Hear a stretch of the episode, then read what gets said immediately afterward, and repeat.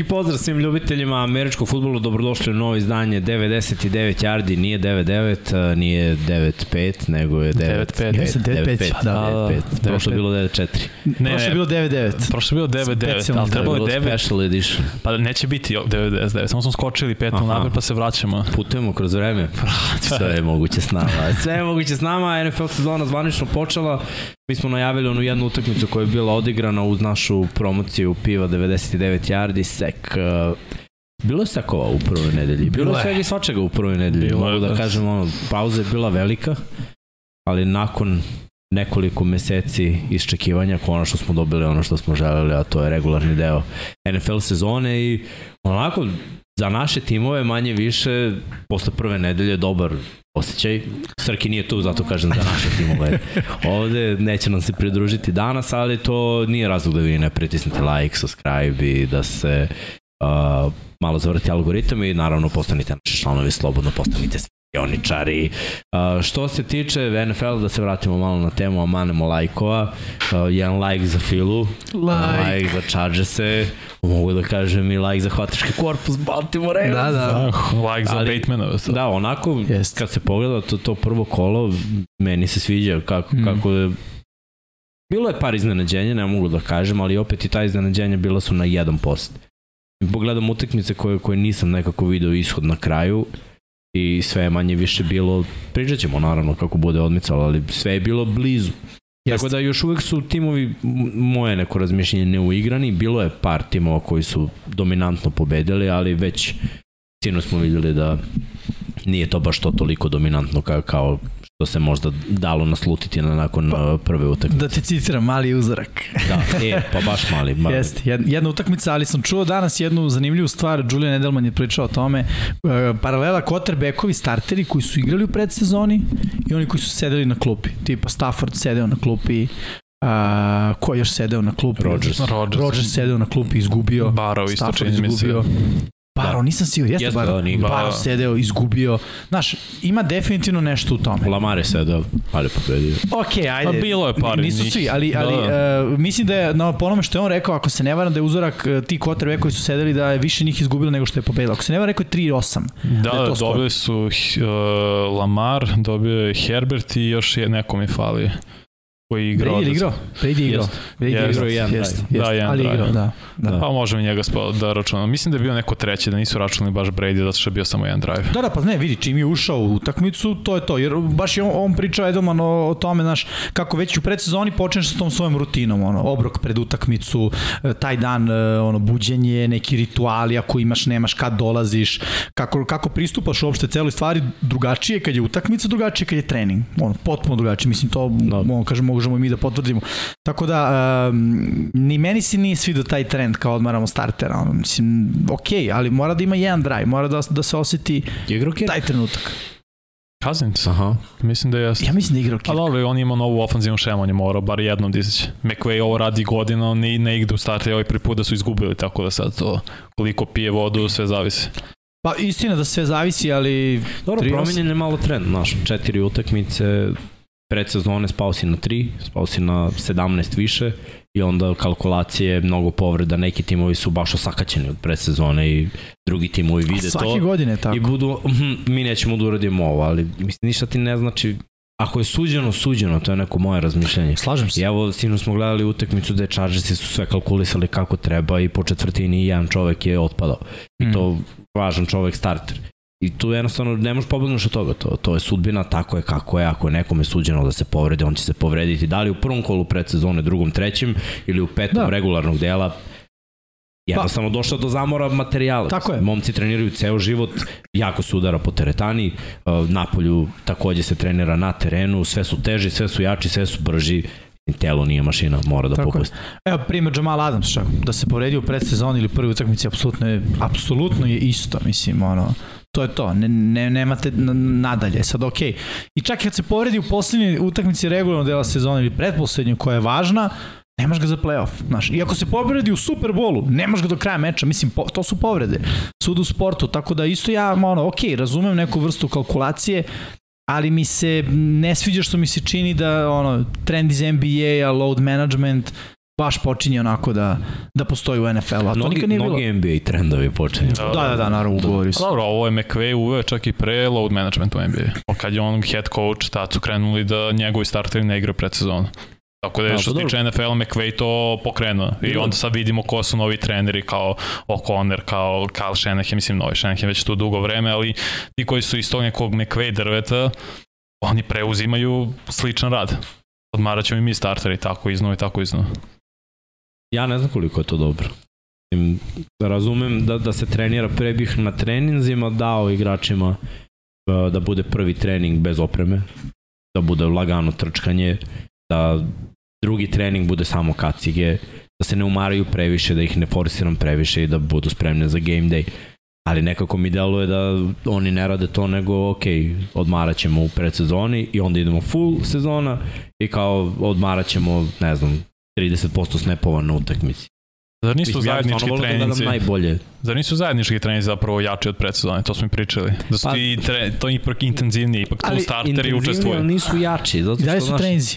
de, dešavaju se stvari koje se ne dešavaju u igri. Znaš, ti imaš mnogo puta za ustavljanje igre, da, Yes. da je kraj akcije wrap up, a ne Tako je. full tackle. Ili- tekmo je full tackle, ideš do kraja. Da, ili primiš touchdown, ništa idemo dalje sledeći Da. drive. Znaš, nema rezultata, ne vodi se rezultat i druga stvar, quarterback se ne sekuje, ne obara, ne dira. Znaš, Imaš ti dobre stvari, mislim, zato što igraš protiv drugih.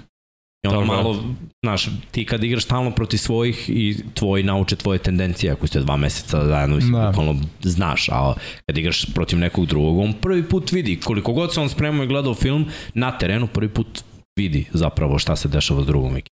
To je ono najveća razlika. Samo što zajednički trening nikad neće biti isto kao, kao utakmica. Tako. Ali ajde mi da, da, da se malo fokusiramo na, na ovo što je odigrano i malo da pričamo o rezultatima, a ne ovako uopšteno. Uh, ajde Srki, ti si naš čovek Producent, grafike, El Producente Hip Hop Ok. Kardinala. Da krenemo od uh, nekih utakmica koje smo izdvojili. Tako je. E, ček, Srki, dok, si tu, dok je ova grafika, ustani i ugasi svetlo na tamo, za atmosferu. ono tamo. At, Pa, atmosfersko sve. Dakle, sad možeš nastaviš. A, E, okay. ta tri, brać, možeš. Pa. Ajmo, ajmo ovo. Ajmo, da li ajmo ovo, da ajde krenemo. pođemo od toga. Da li ovo iznenađenje? Ajde da krenemo ovako. Pa meni nije. Ja vam sve vreme pričam pet godina da je Pittsburgh dobra ekipa, stalno dolazimo na toga da ali ovo, ali ono. Sve, prvo, AFC je jako kompaktna konferencija i bit će Jeste. jako teško da bilo ko bude favorizovan protiv bilo ko. Nema ovde ekipu u AFC-u koja je iznad. Čak i ako pogledamo Chiefs i sad prve dve utakmice koje su odigrale, ni oni nisu više toliko iznad svih. I sino smo videli da nisu toliko iznad svih.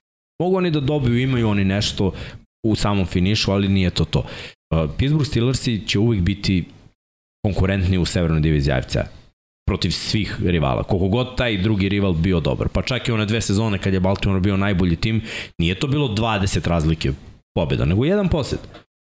Šta je bilo na ovoj utakmici? Prvo videla se sva rđa Bengalsa da vidim. Mm. Mhm. Znači nisu igrali sa starterima, nova ofenzivna linija, pričamo o tome da je pojačana, to mora su igra, ne može to preko To, noći. da. kao prošle godine Chiefs, Chiefs. treba će mesec dana Sigurno. prosto da se uvijek. Sigurno. Pogledaj trčanje, pokušavali su da ga uspostave, sasvim solidno 27 nošenja, to je ono što je dobro. Burrow je odigrao najgori mač u svojoj karijeri. Mislim da je protiv Chicago imao onaj loš meč, ali ovaj mi je bio gori. A ovde ima još dve izgubljene lopte, dva fanta. Tako je. Veliki broj izgubljenih lopti koji Steelersi nisu znali da iskoriste na najbolji mogući način. Njihova odbrana je igrala jako dobro, to ono što sam vam pričao Da. pre. Ta odbrana je legitimna top 5 odbrana u, u ligi, ne samo u AFC-u, u ligi. Ova odbrana će praviti noćne more svima. Ali ofanzivno gledano, kogod da je kube, bit će tu mučenja. I bit će ono, ko će sada da preuzme? Da li Najee Harris da trči, ko će biti hvatači, da li ćemo imati neki big play i kako će se sve to odvijati. Bilo je mu- mučenja i s jedne i s druge strane ofanzivno, što se Bengalsa tiče, specijalni tim je baš zakazao, mislim je- su mogli da pobedu utakmicu dva puta pre Yes. nego što su dozvolili Steelersima da oni imaju šut za pobedu. Inače da kažemo da igram produžetak, nisu bile samo četiri Mhm. četvrtine, Mhm. da je sve vreme delovalo da jedni i drugi mogu da pobede, jako su Steelersi uglavnom vodili, ali Bengalsi su imali dve šanse i na kraju ništa. Da li me iznenadilo ovo? Nije, jer opet nisam video Bengalse uopšte da u predsezoni bil, bilo šta radi da se uigravaju. Treba će vremena da oni postanu opet onaj tim. Ali da li se bojim za Bengalse da, da, da neće ništa uraditi? Pa ne, jer mislim šest izgubljenih lopti tu su na tri pojena razlike. To govori da su oni ozbiljan tim. S druge strane, ovo mi govori svesti Bengalse na 20 i iznuditi šest izgubljenih lopti. Odbrana Steelersa je legitimna. Ali dobro, opet, kao što rekao, to je prvo kolo. S jedne strane, Bengalsi, uprkos pet iskupljenih lopta su šest, taj drugi fumble baro zapravo su uzeli Bengalsi, opet su mogli da pobede. Zato što imaju toliki talent, pre svega hvatači, baro, to je samo talent na sve strane koji i talentovani su nego Steelersi, ali šta nisu uigrani. To je ono što ste i ti i Jamie pričali konstantno, ta ofenzivna linija mora se uigra i bili su tu, odbrana je bila super protiv prosečnog napada Steelersa. Kako će biti odbrana protiv boljih napada, to je zapravo ključno pitanje. Da, ali zaustavili su trčanje Steelersa. Jesu. Prilično dobro. Da, da. Mislim, Ali ajde da pričamo ofenzivno Steelersa i Da. oni imaju nove igrače. Imaju. I oni se nisu igrali. Tako da je ovo bilo baš ono pravi prvi ispit i za jedne i za druge i mislim neizvesna utakmica. To, to je bilo okej. Treba se uigraju jedni i drugi. Da, meni je ovo legitimno. Divizija, dobro se poznaju. S jedne strane, opet moramo tu da damo u ovim mečima prednost Tomlinu.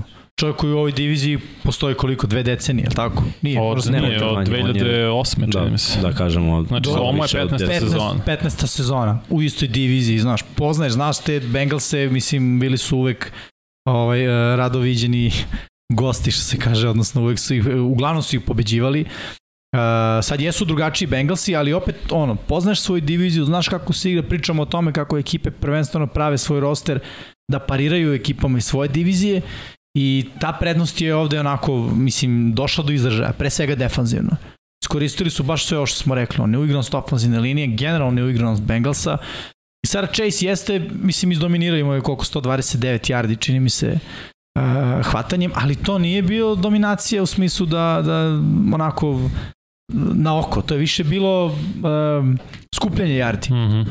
Baš je bilo mučno za Bengals i ok, mislim sa druge strane ovo može da bude dobro za njih. Znači, izgubili su Super Bowl, uvek postoji onaj moment sad da li će u sezonu ući e, sa stavom, ej, to je to, znaš, dole, idemo opet do Super Bowla, doći ćemo do kraja. Utakmica je definitivno dokaz da je svaka sezona priča za sebe i da ono što je bilo u prošle godine, ono, ne veze sa ovom, da je sad treba pot, potpuno se, ponovo se zapravo uigrati, pristupiti svakom meču ozbiljno, ali ja mislim da će oni već ove nedelje da, da budu bolja ekipa. Baš pričat ćemo, da imaju Cowboys, ali doći na toga moramo napomenuti da je TJ Watt povređen, da, Da. pokido rezultat. grudni mišić, čini mi se, Da. i da nije za celu sezonu, nisu još sta, nisu ga stavili, Stavili su ga ni jar. Tako to je. znači četiri meča minimum. tako je, ali mislim da je to malo teža povreda, da ne Isto. verujem da će za mesec dana da se oporavi, To je veoma važan šraf u odbrani Steelersa, najbolji igrač prošle godine, To defanzivni je- igrač godine. To ne da je važan šraf, to je motor. Da, Da, Jeste, ali pazi, prošle, nakon ove,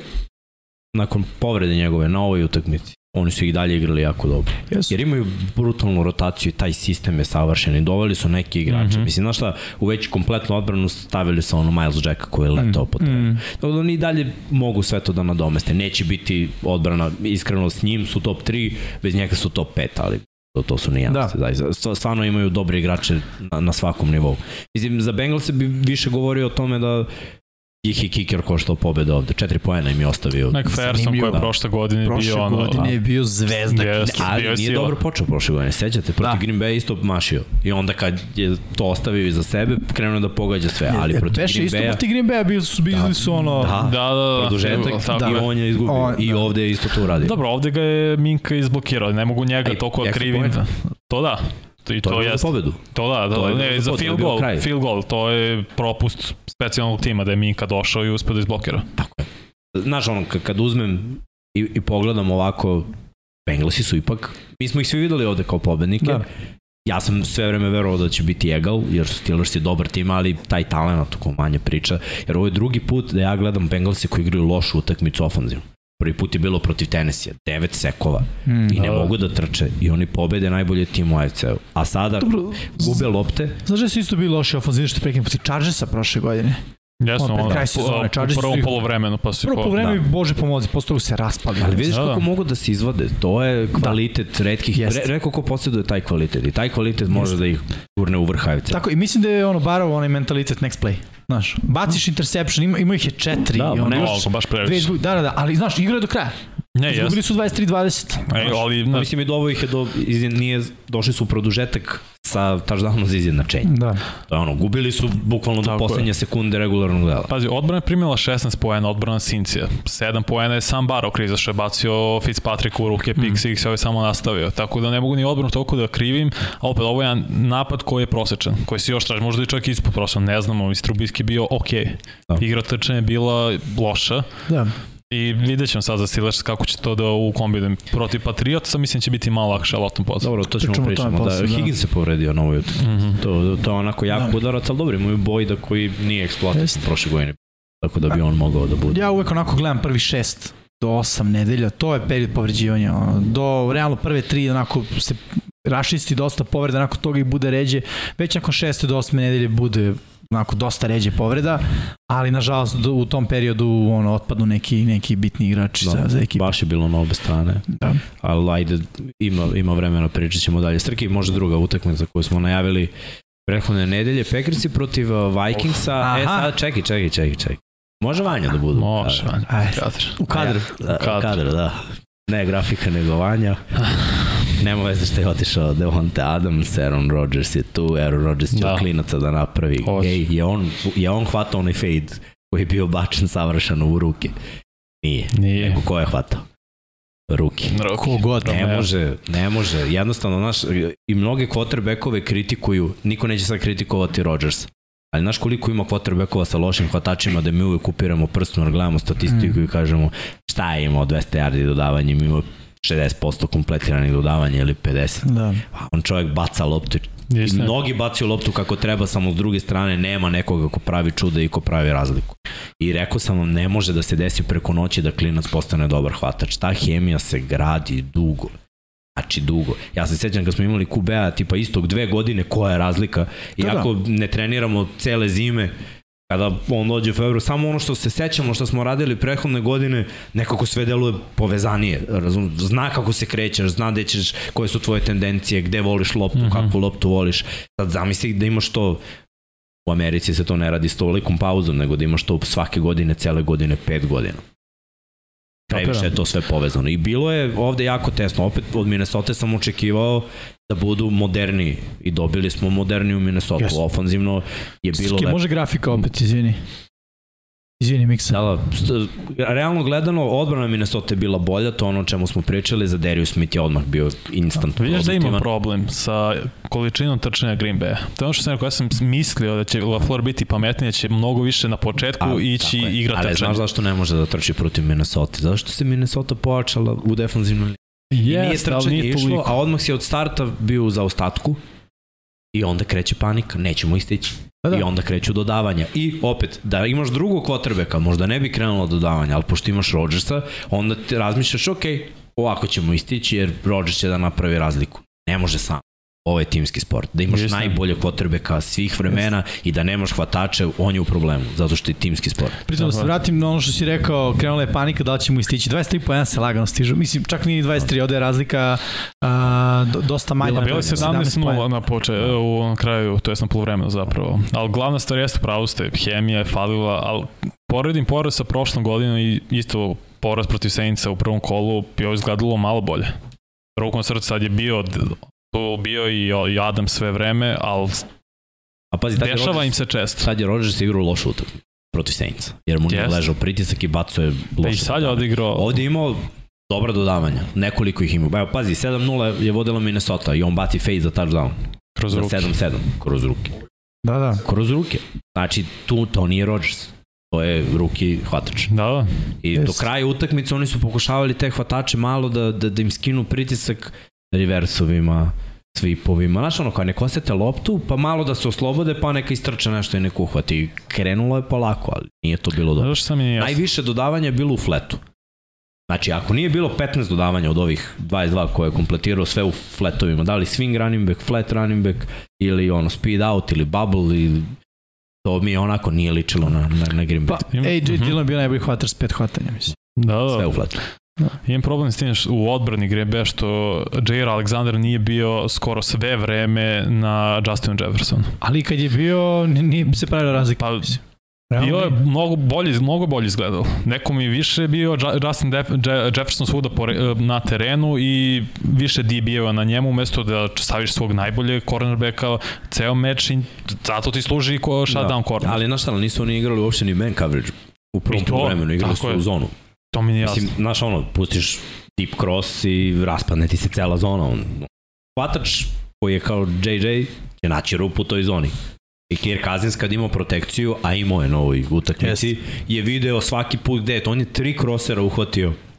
Svaki je bio preko 30. Da, da. Zato što kad igraš zonu i kad nešto ode vertikalno, safety se dovoljno pomeri da se otvori taj deep crosser. I, mislim, Chiefs su nam to pokazali.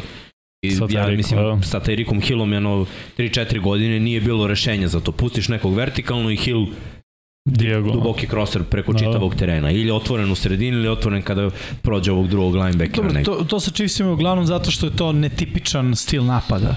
I da kažem, Minnesota. odbrane koje sad po, postoje, ono, ne, ne, ne, ne prepoznaju dalje, mislim, ne, sada verovatno prepoznaju, ali u tim nekim trenucima naš nisu prepoznavale uopšte taj koncept ruta. Pa. Jer Chiefs imaju ne, netipičan koncept ruta. Ali sad imaju Minnesota. Sad imaju jer su, Minnesota. Jer su uzeli taj pelcer Tako je. i iskoristili su. Znaš, staviti svoje igrače u dobru poziciju u napadu, Just. znaš, ne moraš uvek da pratiš on X and O's i, i neki svoj playbook. Da, da. da radimo ono što je najuspješniji. I stvarno, Minnesota što je igrala na ovoj utakmici, ja nisam vidio ovu Minnesota u poslednjih. Minnesota. O'Connor, mislim, vidi se razlika između nove škole njega i Mike Zimmera stare škole, prosto. To je to, vreme je sad za promene i Minnesota, to jest vlasnik, general manager Minnesota su videli, ok, ne ide Mike Zimmer ne možemo ovako da igramo, imamo previše talentovne hvatače i kvotrbe kad igramo neki stari futbol. I to je sad, da, za Green Bay, mislim da oni moraju kao što rade Patriote, kao što su radile godina sa Bradyjem, prvi mesec da bude uigravanje. Daj da uđemo u ritam, da krenemo 1-3-2-2, nije ni važno samo da uđemo u naš ritam, da identitet sad provalimo koji je i tako da forstiramo i guramo. Mislim, vidi, njima je ta divizija dalje otvorena, ono, realno, da. Chicago, pa da već igraju. Da će oni podeliti ovo. Da, da, jesmo, jesmo. Mislim, samo je bilo pitanje, Minnesota kod kuće u prvom kolu uigrana ekipa jer Kirk Cousins ima konekciju sa svojim hvatačima. Mislim, Jest. meni je bio no-brainer. Jest. Jer ovaj nije igrao pred sezonu, plus ima nove hvatače, mm -hmm. plus pričam o ofenzivnoj liniji, Bahtjari opet ne igra mm. i desni tackle je drug, nije im startni desni I ono što si rekao, plus Minnesota defanzivna linija povećana. Da. Znaš, to su sve stvari, a realno za to koliko su ovi povećani za Smita, toliko je Green Bay oslabljen što je opet Kirku Kazansu ono davalo vremena da... Svi smo rekli za Kirka, Kirk kad ima taj dodatni sekund, mnogo dobar, mnogo je dobar quarterback. Ovde je uglavnom imao taj dodatni. I gledaj, prošle godine Kirk je imao najbolju godinu u karijeri. Znači veliki broj bačenih touchdownova, jednocifreni interceptioni, preko 4200 yardi. To je brutalna statistika za quarterbacka. Da, se, da, da tu te brojeve nalepiš pored imena Aaron Rodgers, mnogi bi rekli MVP sezona.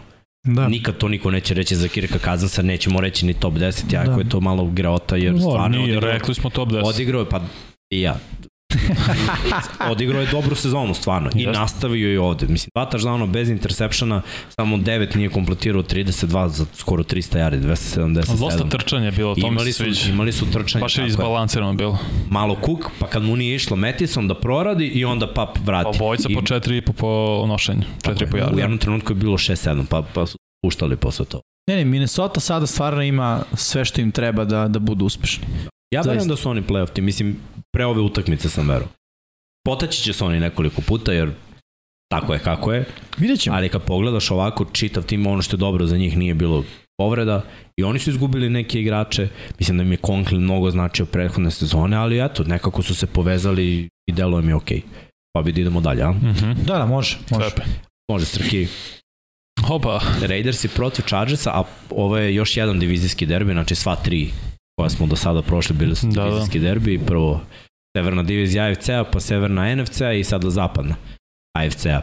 Uh, utakmica koja je opet odigrana na jedan posed, utakmica u kojoj smo očekivali pa da kažemo veliku borbu, repriza onog posljednjeg meča mm. prethodne sezone kada je pobednik išao u playoff.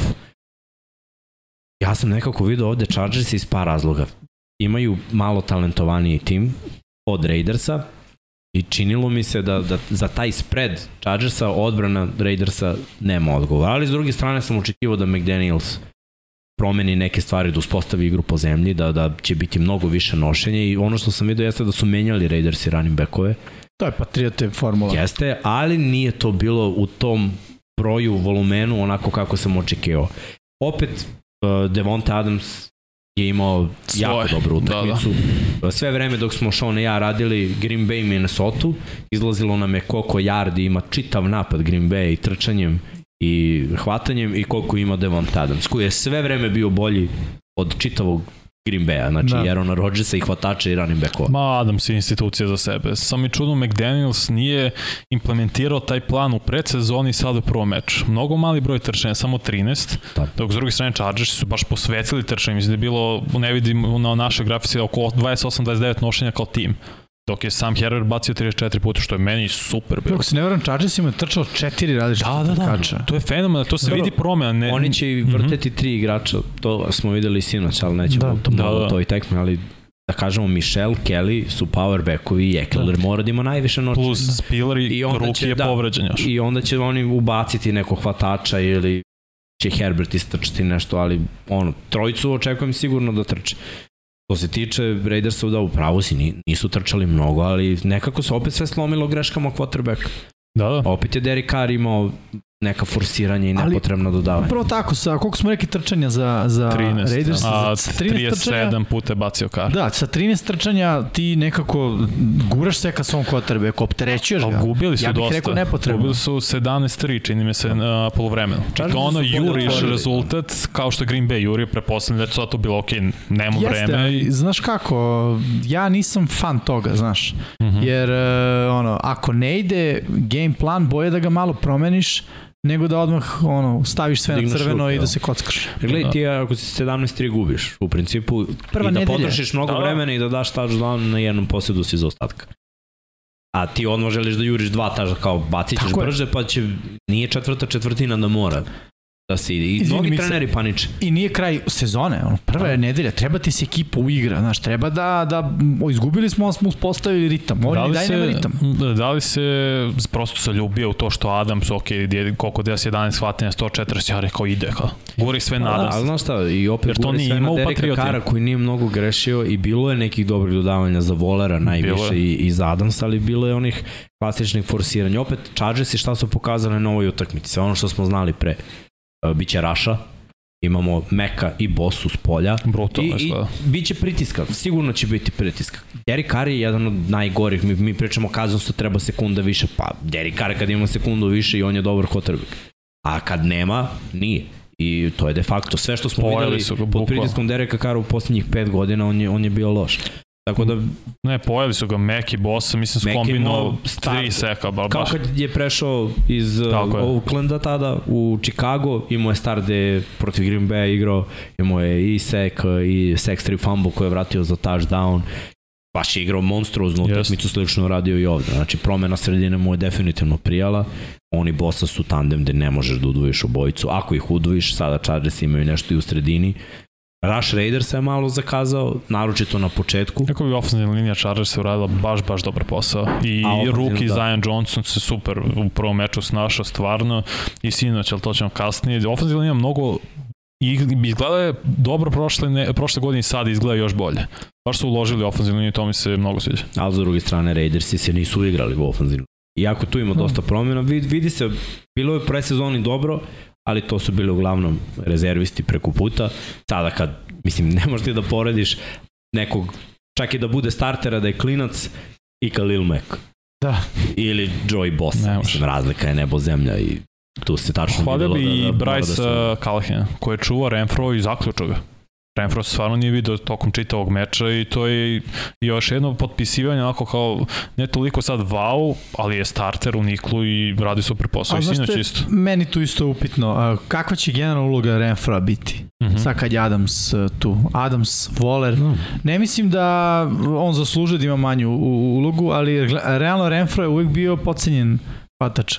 On i kad je bio ruki, bio je bliži tome da bude katovan nego da, Ma, da ba, da, uđe prošle godine dok se nije Rags Da. da, eliminisao. no, eliminisao, bravo, pravi izbor reči. Da.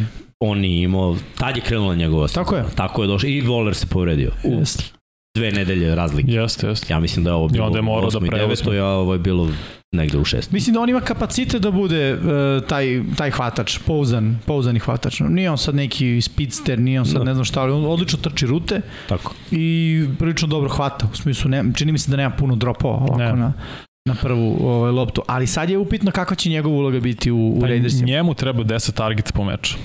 I to je problem. Adamsu treba od 10 do 15, njemu treba 8 do 10 voleru isto i to je mnogo lopte već. To je bar 35 puta da ti dodaješ.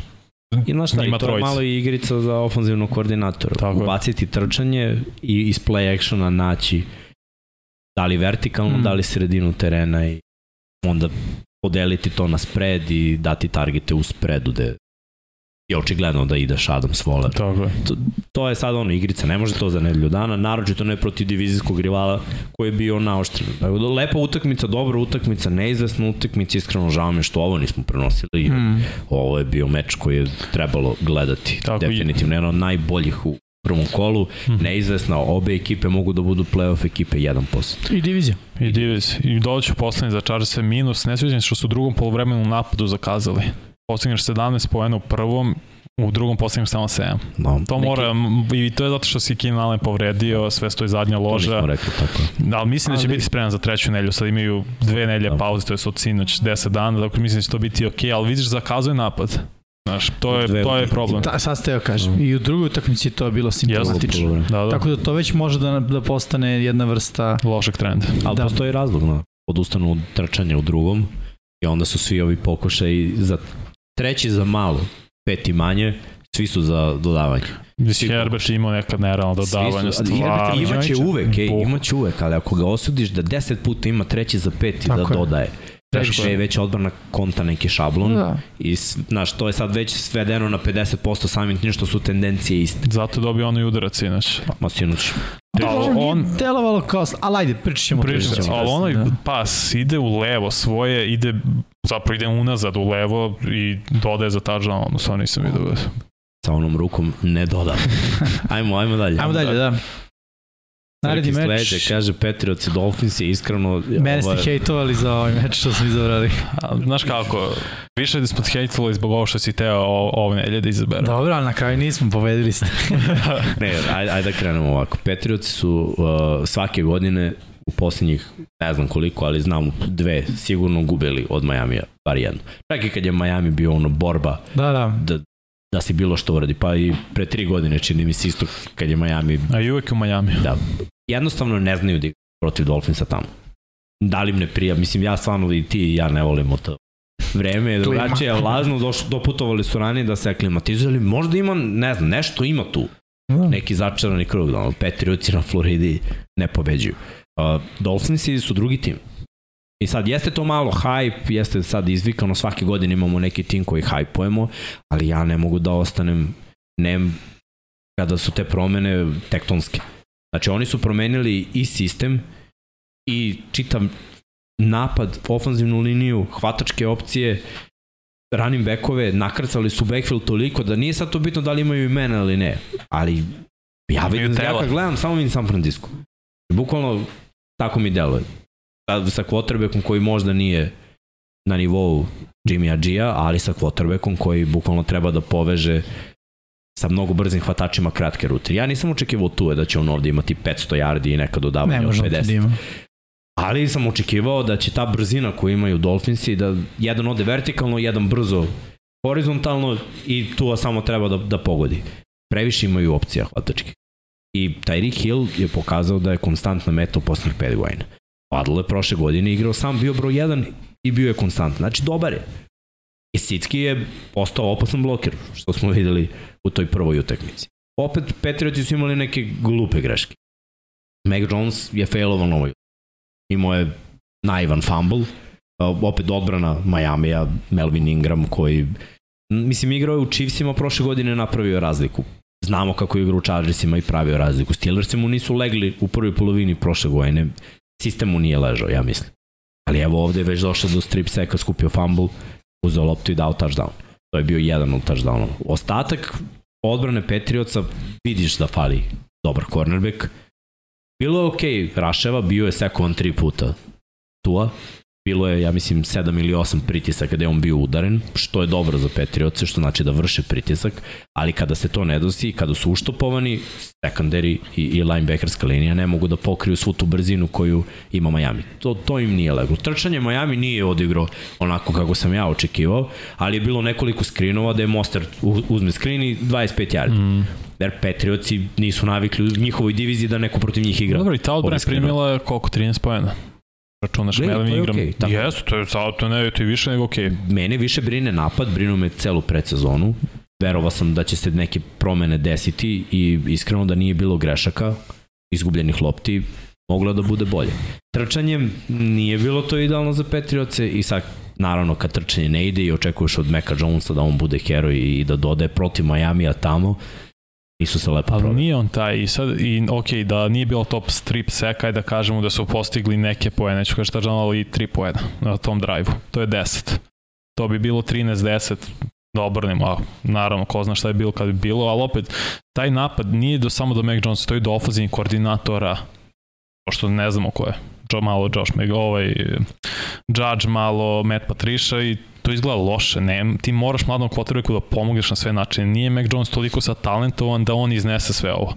Herbertu si mogao i prve godine jedan trener, drugi godine drugi trener menjaju sa ofaznim koordinacijom, nije važno, on ostaje konstantan, zašto je talentovan, ali Mac Jones nije taj kalibar. Njemu moraš na svaki način da olakšaš i Patriot ofazin linija izgledao dobro, Uglavnom. Izgledalo je okej.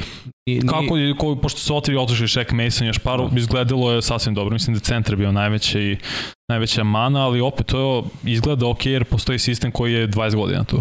Me, A, mene uh mhm. -huh. Miami nije dalje ubedio, iskreno. Meni je bila jedna osrednja ekipa proti druge osrednje ekipe i pobedila je fokusiranija osrednja ekipa. Mislim, realno, sa svim tim što pričamo o oružje, ovo, ono, oni su dali 20 pojena kako je odbrani New Englanda. Sad Nisu ni oni dali, 13. Nije elitna. Tako je, 13 pojena, znaš. Tako da ono, meni ovo liči na Miami prošle godine. Miami je bio anemičan u napadu i prošle godine. Da, ali gledaj, prošle godine, sad na ovoj utakmici, na primjer, ja nisam vidio ni u jednom trenutku, sad će Petrioci da ih pobedi. Ne, ne, to stoje, ali to je do Petrioca, ej, nije do Majamija. Ali malo i do Majamija, jer nisu prokockali. Znaš koliko je bilo utakmica pre da su znali da, da prokockaju, bez obzira kako su stigli do prednosti, znali su da je prokockaju. Ovde su bili onako samouvereni do kraja da će krenuti 1-0. I sad, pre ovog sledećeg meča, mislim, jedni i drugi igraju protiv ekipa koji imaju pobedu i ekipa koji su iz druge divizije s kojom ukrštaju, to je sa severom AFC-a, znači Baltimore i Pittsburgh. Mm -hmm. I pravi I su ispiti za jedne i za, dru, i za, jedne i za drugi. I da vidimo u stvari ko je gde. Ko je osrednja ekipa, koja je malo bolja ekipa, koja ekipa može da, da nađe neki šablon. Uh, Miami defanzivno i dalje je jako dobra ekipa. Howard je opet imao onaj uh, tip. tip koji je otišao za interception. Xavier Howard igra savršeno u posljednjih 5 godina. On kad uzme bilo kog prvog hvatača u bilo kojoj diviziji, to je to. Što se mene tiče, ja, ja mislim da je odbrana Majamija legit i bolja mnogo od napada koji ima imena, ali će trebati vremena i oni da su igraju. Ali opet, djeluje mi da će biti bolja sezona. Da li će biti playoff tim? Ne mogu da tvrdim, ne znam, jer ovo je ono, sad na papiru su dobri, nisu me ubedili, Pa je moramo, pitanje, moramo da vidimo. Da li mogu igrati s Buffalo u svojoj diviziji? Ne mogu ne, ne, ali ne sada, ne bi mogli. Ne sada ne, ne, na početku. Mislim da krajem uh, sezone će moći. Možda za pet godina. Ne, ne, ne baš mislim da će krajem sezone moći, samo to da se uigra. I odbrana je bila ok, ali nije bila na nivou kao što je igrala na kraju prošle godine. Kao da im treba mesec, mesec i po i prošle godine trebalo toliko da se uigraju. U odbrani, u napadu, to je Mike McDaniel, novi sistem, to treba da vidimo. Ali mislim da na kraju godine će moći da igraju. Da će da ih pobede, to je već da. Svakako one priče, stari brat, Patriot je lagano ovo rešavaju rešavaju te priče više nema, tu nema. tri godine i, i to je to, ova divizija je otvorena. Mislim, i, i Jetsi da, da imaju Iole dobro quarterbacka sa talentom koji oni imaju, skinuli bi skalp nekome, ali obzirom da igra Flako, teška priča. Da. Ali dobro, o tome ćemo kasiti. Sve u svemu Miami me, ono, podržao, odradili su posao, dobili su prvo tekmo, je sad za drugu To ćemo tek da vidimo, ali ajde, krenuli su, da, pa, Već. krenuli su 1-0. Mislim i Petrioci opet izgubili su prvu i sad idu na Pittsburgh koji ima 1-0. Ali opet i oni su malo sakati. Da, biće, biće zanimljivo. Da. Ajde, pričamo o tome svako kasnije kad budemo najavljivali to, to. kolo broj 2. Ajmo dalje. Uh, Uf, ali obilne. Tampa protiv... Pa da, pazi, ovo smo stavili Da. I iskreno je da se Prescott nije se povredio na početku utakmice. Da, da. Igrao do samog kraja, znači ja sam znao da ovo nema šanse da, da bude dobra utakmica, jer Samo da nemaju kažem- ofenzivnu liniju. Ta, I lošiji Dallas nego prošle godine. Prošle godine je bilo neizvesno. I delovalo je kao, u, dobar season A to je opener. ono čemu, čemu pričamo ljudima da je važno koje opcije hvatačke imaš. Tako Ti je. si, ti si se sada sveo da ti je CD Lamb, koji nije bio nikad broj 1, postao broj 1. Jedva je imao 1000 yardi prošle godine, jedva. I ti sad misliš on će imati 1000 i po ići će lopte. Da, ali sad je u double coverage Teško da će to da bude Ma i tako kad je lako. bio single coverage ispuštao je opet lopte Bilo je to. Jeste. stvarno je baš izgledao loše i dak, nažalost, fraktura palca. Sad to što Jerry priča će se oporaviti za četiri nedelje, mislim da je to baš nerealno, da će ga Ali ajde neće ovako. biti. Znači tim palcem da pozovu da. Jimmy G. E, Da. Ali ajde, ajde ovako. I da je igrao do kraja i da se nije Pa ništa, povredio. pa ništa. Dallas bi opet bio u problemu, ne samo za ovu utakmicu, nego i za sledeće, to ono što sam rekao pre početka, znači ne igrati startni levi tekl, izgubio si centra od pre neku godinu, izgubio si desnog te, ti si izgubio ofenzivnu liniju koja je bila definicija tvog napada. Jeste. Nije samo Sada i neće desno. niko trčati. Znači, kog, kogod da ti u vidi- backfieldu ne može da trči sa rezervnom ofanzivnom linijom kada ti opet ćeš gubiti. Odbrana im nije ništa spektakularno, videlo se to. Tako je. Tampa nije igrala Tampa je igrala Tampa je igrala sa 50% svojih Jeste, mogućnosti. U prosečno prvih igrala. pet napada. Ali mislim nevoljno. Igrali su jer nisu ni oni uigrani. Nisu, Nisu. ali su stigli su do pe- field gola prvih Da. pet napada. Da, da, da, istina, nego samo kažem, nisu kao bili u fazonu lagano ćemo, nego ni njima se nisu poklopile kockice. Tako je. Ali za Dallas bih samo rekao, Dak je onaj quarterback koji pre svega voli duže opcije da baca. Kad ima lošiju ofenzivnu liniju, ima manje vremena. Ti pasevi nisu onakvi kakvi treba da budu. Nije Dak baš kube koji će kao Brady ono da prangija unutar 10 yardi i da na taj način razigrava svoje hvatače. On će Nema ni kome.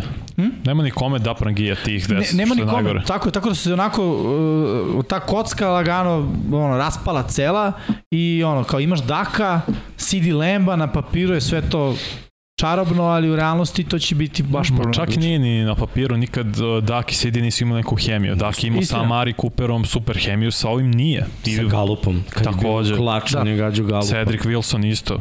I on je tu, Galup će možda sad da se Lamb je- vrati. To je ono što sam vam pričao isto i, i kad je draft bio u pitanju, naročito tebi, jer smo malo, malo razmatrali Povrede, da, o da. tome da uh, CD Lamb je bio dobar na kole ali je imao najmanje hvatanja na koleđu, što znači da je on samo bio, po mom mišljenju, kad imaš malo hvatanja, mnogo yardi, Big play. Znači samo da, da to big Tip play, threat, da. igraš protiv slabih ekipa gde na jednoj utakmici imaš 250 yardi, ono, ra, šest hvatanja. tako je. Što znači da si brži i bolji, ali ja više verujem u 100 hvatanja od, od 50. E, samo da znači se ogre. Ja sam rekao Jerry Judy taj draft. Dobro. Da se ogre. Isto big play receiver, koji sad ne može da napravi toliko big play-eva. Konstantnost je ipak ono, osnova svega. I sad, Jeste. da bi Jeste, on jeste. ovde postao broj 1, njemu treba konstantnost. A da bi imao konstantnost, treba mu quarterback i ofenzivna linija. Nema, nema ni jedno ni drugo. Nema. Tako da su ovo muke, muk, ono, tantalove muke za, Dallas, za Dallas Cowboys. jedini tim koji nije postigao touchdown u, prvoj, u prvom kolu. Hmm. Mislim da je prošlo 20 godina kad nisu postigli touchdown. Evo, da se U- često Da. na negativnoj Ali od Jeste, strane ali, ali znaš šta je pozitivno? Micah Parsons i mora da igra na Dobro, edge. da. Mora, Ovaj- ne vredi. Ne može da igra uopšte više linebackera, toliko je dominantan na edge mora da igra edge. Slažem Sta, stalno, sve snapove. I vidi, nije, više ni, vi- nije više ni fair da ga šetaš toliko. Mislim, Nema A potrebe. nema potrebe. nema potrebe, nije ni od, fair. Znaš, i ne, neće ovo biti ošto dobra sezona za Dallas. Neće. Biće mnogo muke, ofanzivna linija neće proraditi sigurno mesec, mesec i po dana, neće ni trčanje, sad će Kuperaž da igra ka, kao startni quarterback, nemaš hvatače, ono Schultz i CD Lamb ti ispadaju jedine opcije, prave opcije tu. Videla se Rđa s druge strane, ono o čemu pričamo, odbrana Tampe je top 5 odbrana, mislim isto. Oni su već posljednjih nekoliko godina top 5 protiv trčanja, sekundar je bio problem prošle godine, pre dve nije. I na ovoj utakmici sekundar je odradio svoj posao, Jeste. stvarno jeste. Protiv slabih hotača. Okej. Jeste, okej. Ali nek se zalete, šta, to, znaš. da, da damo i njima vremena. Pro, protiv slabih hvatača ovo je bila dominacija. Jedin problem Tampa jeste opet povrda ofenzivne linije. Jeste. To će se, Ali koliko će moći... to- jesi Mhm. primetio koliko, to, koliko su uspeli to da nadomeste. Zapravo jedina mana je bila sa Edge-a, Da, da su posle slali running backa da pomogne, da čipuje i čim je. to bilo, nije se više desio problem. ali to je protiv ovakve odbrane Dallasa koja je realno je negde u sredini. I to samo je. zato što je Majka Parsons to što jeste. On je pola te odbrane. Bukvalno. Da, pravi bukvalno. ispit ide, mislim, sledeće nedelje. Za, Tako ne, je. da Dallas nema pravog ispitera, ovo je Ne, ne, za Tampu sad. propalo sezona za Dallas, a Dobro, oni će se u svojoj diviziji, to je uvek... Uh, E pa ne znam, vidi, oni, Ne, jedini bez oni nisu pobedili u toj diviziji sad, on, jedini oni nisu dobili. Nema veze, ali će oni u diviziji Pa ne da budu... baš- takvi su, jedno. Verujem, oni će, oni će Giants su baš da drugačije izgledali, previše iskreno. su tanki, znaš, osakaćene su povredama i to je ono, ono zlo. Sećaš Atlante pre nekoliko godina kad je isto imalo ko Baltimore prošle, tim što ajde, Baltimore ima neku kulturu. Atlanta nema, ni Dallas nema tu kulturu pobeđivanja. Koliko puta su imali kompletan tim pa je Fila ulazila u playoff, Jest. eliminisala ih. Jest. Oni su izgubili, kao što sam kažeš, posljednjih 25 godina, oni imaju samo negativne rekorde. Jest. Ali bukvalno Da, da. od 90-ih ja ne pamtim Dallas kao ono pobedničku franšizu i samo priča, priča, priča, ali ništa sem priča. Tako je. Uvek je priča, mislim uvek, u zadnjih 20 godina je priča bila veća od Da. dostignuća. A s druge strane ovamo Julio imao neka brutalna hvatanja, Chris Godwin istegao zadnju ložu. Mm, Uh, Mislim da će on propustiti dve, tri normalno. nedelje. Da. Znaš, kad povrediš ligamente kolena, ne trčiš dugo, onda se vratiš, hoćeš 100% i drugačije trčiš, malo Da, da. kompenzuješ, imaš druga, drugačije nagaziš. Ono, samo je pitanje... naprežiš drugi deo. Tako je, naprežiš drugi deo noge. I tu je otišla loža, ali Julio sa, sa i za malo ni drugi fade da skupi Ej, po... ali znaš što je meni monstruozno? Brady Julio. Mislim, realno, ej. Bold prediction mi je bio da će ali- Julio imati 100, da je uhvati one fade tamo, imao bi Da. preko 100, ali igro je brutalno teko. I to ja očekujem, da neće Julio biti outside receiver i praviti čuda, ali su ga šetali po formacijama. I Da. šta je radio Julio, što je vrhunski radio tokom čitave svoje karijere, što je nekarakteristično za tu visinu. Skrinovi, A to, da. jet sweepovi, skrinovi, to je radio u Atlanti. Julio je Gadvin, bukvalno, samo veći. I, I to će Tampa koristiti. Gadvin iz budućnosti. Pa u stvari iz prošlosti. Jer je prvi što to da radi. Da, da. Ali sad imaju dvojicu krupnih hvatača koji mogu da radi te stvari. Biće, biće Tampa strašno, samo da se Da. poklopi sve i da se svi oporave. Da, da. E, Da, da. samo bih e, se osvrnuo i na igru po zemlji, e, sređene, ako možemo još Tu jednom. su izdominirali Bucks. Da, Tampa je tu odradila fantastičan posao. A, prvo što Forneti imao preko 100 yardi, drugo što je 127, da. 21 nošenje. To dugo nismo videli. I šest po... Da, i sve te priče, jao, ali znaš, A vidi Dallas. od kombajna debeo je, Da. neće dobro, moći, ugojio se. A ne može. Te, on je gađao na LSU još Čovjek bre čovječ. došao da, sa 200, 255 je došao na kombajn. Jest. I I radi istračao... samo jedan drill, Da. 40 yardi. Da. I isto 4-4. 4 Da, skoro 4 4 4 5 tako i rekao to je sve što treba da vidite da znate u meni. Debel sam i brz. sam. Buca koji trči. Nema, Dallas kao da je odustao i potrčanje od Zika, mislim, još prošle godine. Baš ne... Meni ima smisla da ga traduje. Pa znaš, ne, mnogo, mnogo veliki cap hit i da ga traduju i bolje ga forsira i sad pogotovo da što nema Daka forsira i Zika jer ti kad imaš 100 yardi trčanjem ti si skoro, možda si izgubio dve, a dobio si mnogo, mnogo više. Bila je statistika baš prošle Da, da.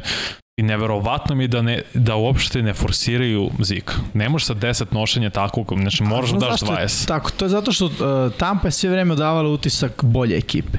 I ti kad si na tom meču, kada igraš protiv ekipe koja odaje, jako nije velika uh, razlika u rezultatu, kada igraš protiv ekipe koja odaje bolji utisak, ti si konstantno u panici. Jer ti znaš da, su, da si od poraza udaljen jedan njihov touchdown drive koji kad se desi ti ne vidiš način kako da ih pobediš osim da forsiraš, forsiraš, forsiraš jer on ideš logikom on aj bacim 100 puta pa nek prođe jednom big play Sami ste rekli da ono, ofenzivna linija se i bolje osjeća kad ima trčanje, kad Jeste. oni Da, naravno. gaze nekog. znaš šta, Naravno, a ovi ne, možeš, ne može. ne možeš da zgaziš defensivnu liniju tamo. Pa ne može, imaš kad Apsolutno. imaš dva medveda u sredini. Da. A Kim Hicks i Vita Vea u sredini su veličine ove sobe. Mislim. Stvarno po dužini. Znaš, nerealno. I onda dodaš ove zveri sa strane. Imali su sedam igrača u rotaciji u defensivnoj. Stvarno nije fair trčati protiv njih. Plus dva najpokretnija linebackera.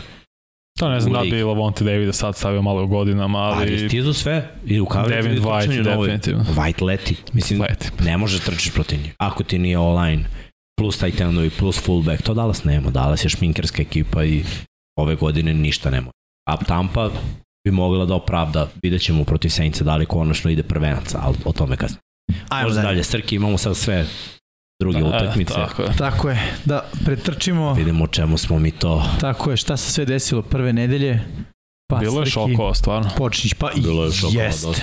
Ajde, Ovako, počnemo prvo, prvo, da počnemo da. prvo, da. Saints i Falconsi, ovo je rezultat na kraju. Sve vreme su Falconsi vodili, vodili ubedljivo, Da. Mhm. ali ono o čemu smo Progoni. pričali, Saintsi imaju dosta igrača koji su tu novi. Prvo, ajde da krenemo ovako, Michael Thomas nije igrao dve godine, a pre toga je bio najbolji hvatač. u Jarvis Landry prošle godine je bio povređen, nikad nije igrao u ovom sistemu. Chris Olave je došao s koleđa. Znači, prva tri hvatača su ti, ono, bam, Da. evo, stavi ih ovde i Nemaju oni mogu da nikakvu igraju. hemiju s Winstonom. Neće se desiti, tako je. Opet uh, levi tackle je nov. Jeste. Kada pogledaš napad, mnogo toga se promenilo, osim backfielda, gde kao da si se vratio četiri godine unazad ili pet godina gde su Ingram i. Kamara. Da. Tako da nekako je sve delovalo, ok, treba će vremena da se to igra. Trebalo je jedno polovreme. U drugom, prvo Michael Thomas je izdominirao u drugom polovremenu. I Olave imao lepa neka hvatanja. i Jarvis imao preko 100 yardi. Da, koristili su opet Tysoma Hilla kao U, Tyson Hill, da, je. da. I, Kao X i factor to- se lepo e, I rekao. to su Saintsi. S druge strane, Falconsi su imali Cordarela, ko- mislim, mene su iznenadili i London i Pitt s konstantnošću i mislim da će to Mhm. biti tokom čitave sezone. Mariota. Lepo je. Mariota igra okej. Okay. Jeste. Mislim, Arthur Smith očigledno ima način da, da bude relevantan u svim utakmicama i lepo je bilo iz, pogledati ovu utakmicu, ispratiti bukvalno Jeste. svaki play. Uh, Saintsi, kad je bilo potrebno, stegli su, stisli su u odbrani, Da. samo su ono zatvorili, ne prolazi više ništa. Atlanta je opet napravila tu grešku, nisu znali da prevedu utakmicu kraju Saintsi jesu i na kraju imaju i oni 1-0. U ovoj diviziji gde nekako i deluje da će oni i Tampa ići dalje Hmm. u, u playoff. Ali do, dobra utakmica baš. Kad mogu da kažem da su me Falconsi baš prijatno iznenadili. Jesu, slažem se. A kad pričamo o šokovima, Ovo je bio šok. Vanja ćeš ti. O, pa više je bio šok vreme, iskreno. I ne mogu toliko Trejlenca ni da krivim. Stvarno jeste bio baš grozan, ali po onom vremenu da Znam, ali igra, po da tom istom baca. vremenu igri Justin Fields. Mislim, Pa i ništa bolje nije izgledao. pazi, smo sad- Iskreno, iskreno ništa bolje nije izgledao. mi, smo, Baš, mi smo sad pričali ne sad, izvini, prošle nedelje o najavama. Pa je Vanja predložio da najavljujemo ove uh, na, naslove koji mogu da budu onako medijski isprančeni, kao sad, znaš, kao Baker Mayfield protiv to je bio Brownsa. dobar meč, iskreno. E, ali ovo ima takvu pozadinu. Sa tim pikom San Francisco je mogao da bira Justina Fieldsa, a Jeste. nisu. Izabrali su Trey Lensa koji igra manje utakmica, koji ima slabije highlightove, koji nije došao do Final Fora. Su manje koleđa. Tako Mnogo je. Fields manje. je sve to uradio i nije bio izabran. Znaš, sigurno je negde u glavi, sigurno je negde ono iza Znaš kao, Spisak. on ne ispred mene je igrao on po kiši. Sad ćemo da vidimo. Mislim, iskreno utakmica koja je krenula traljavo za San Francisco, ja sam pričao, mislim, i ja sam stavio San Francisco malo slabije, ljudi su se bunili toliko u komentarima šta ako Trelens izdominira? Nije igrao mnogo. Treba vremena. Ne može da izdominira na može. samom početku. Koliko da je dobar napad oko njega. A nije, Nije, Pat Mahomes nije. kalibar. Nije, pa Nije da. igrač. Mislim, i pet, znaš, sedao je godinu dana i ušao je sa Andyjem Reidom u nekom sistemu koji ima olakšicu svuda i sve je misdirection. Ovde se tražilo od Lensa malo više. Dosta je trčao na ovo. I trčao je lepo, imao je neka dobra Mislim da će kompletirana dodana. generalno njihov napad ide u tom smeru. Da on trči. Da trči više nego Garoppolo, mislim, to je logično. A neće nešto biti slično ovako ko. Colin Kaepernick će to biti, samo što ima mnogo, mnogo bolju ruku. Pa da, to je plan. Kittle nije igrao.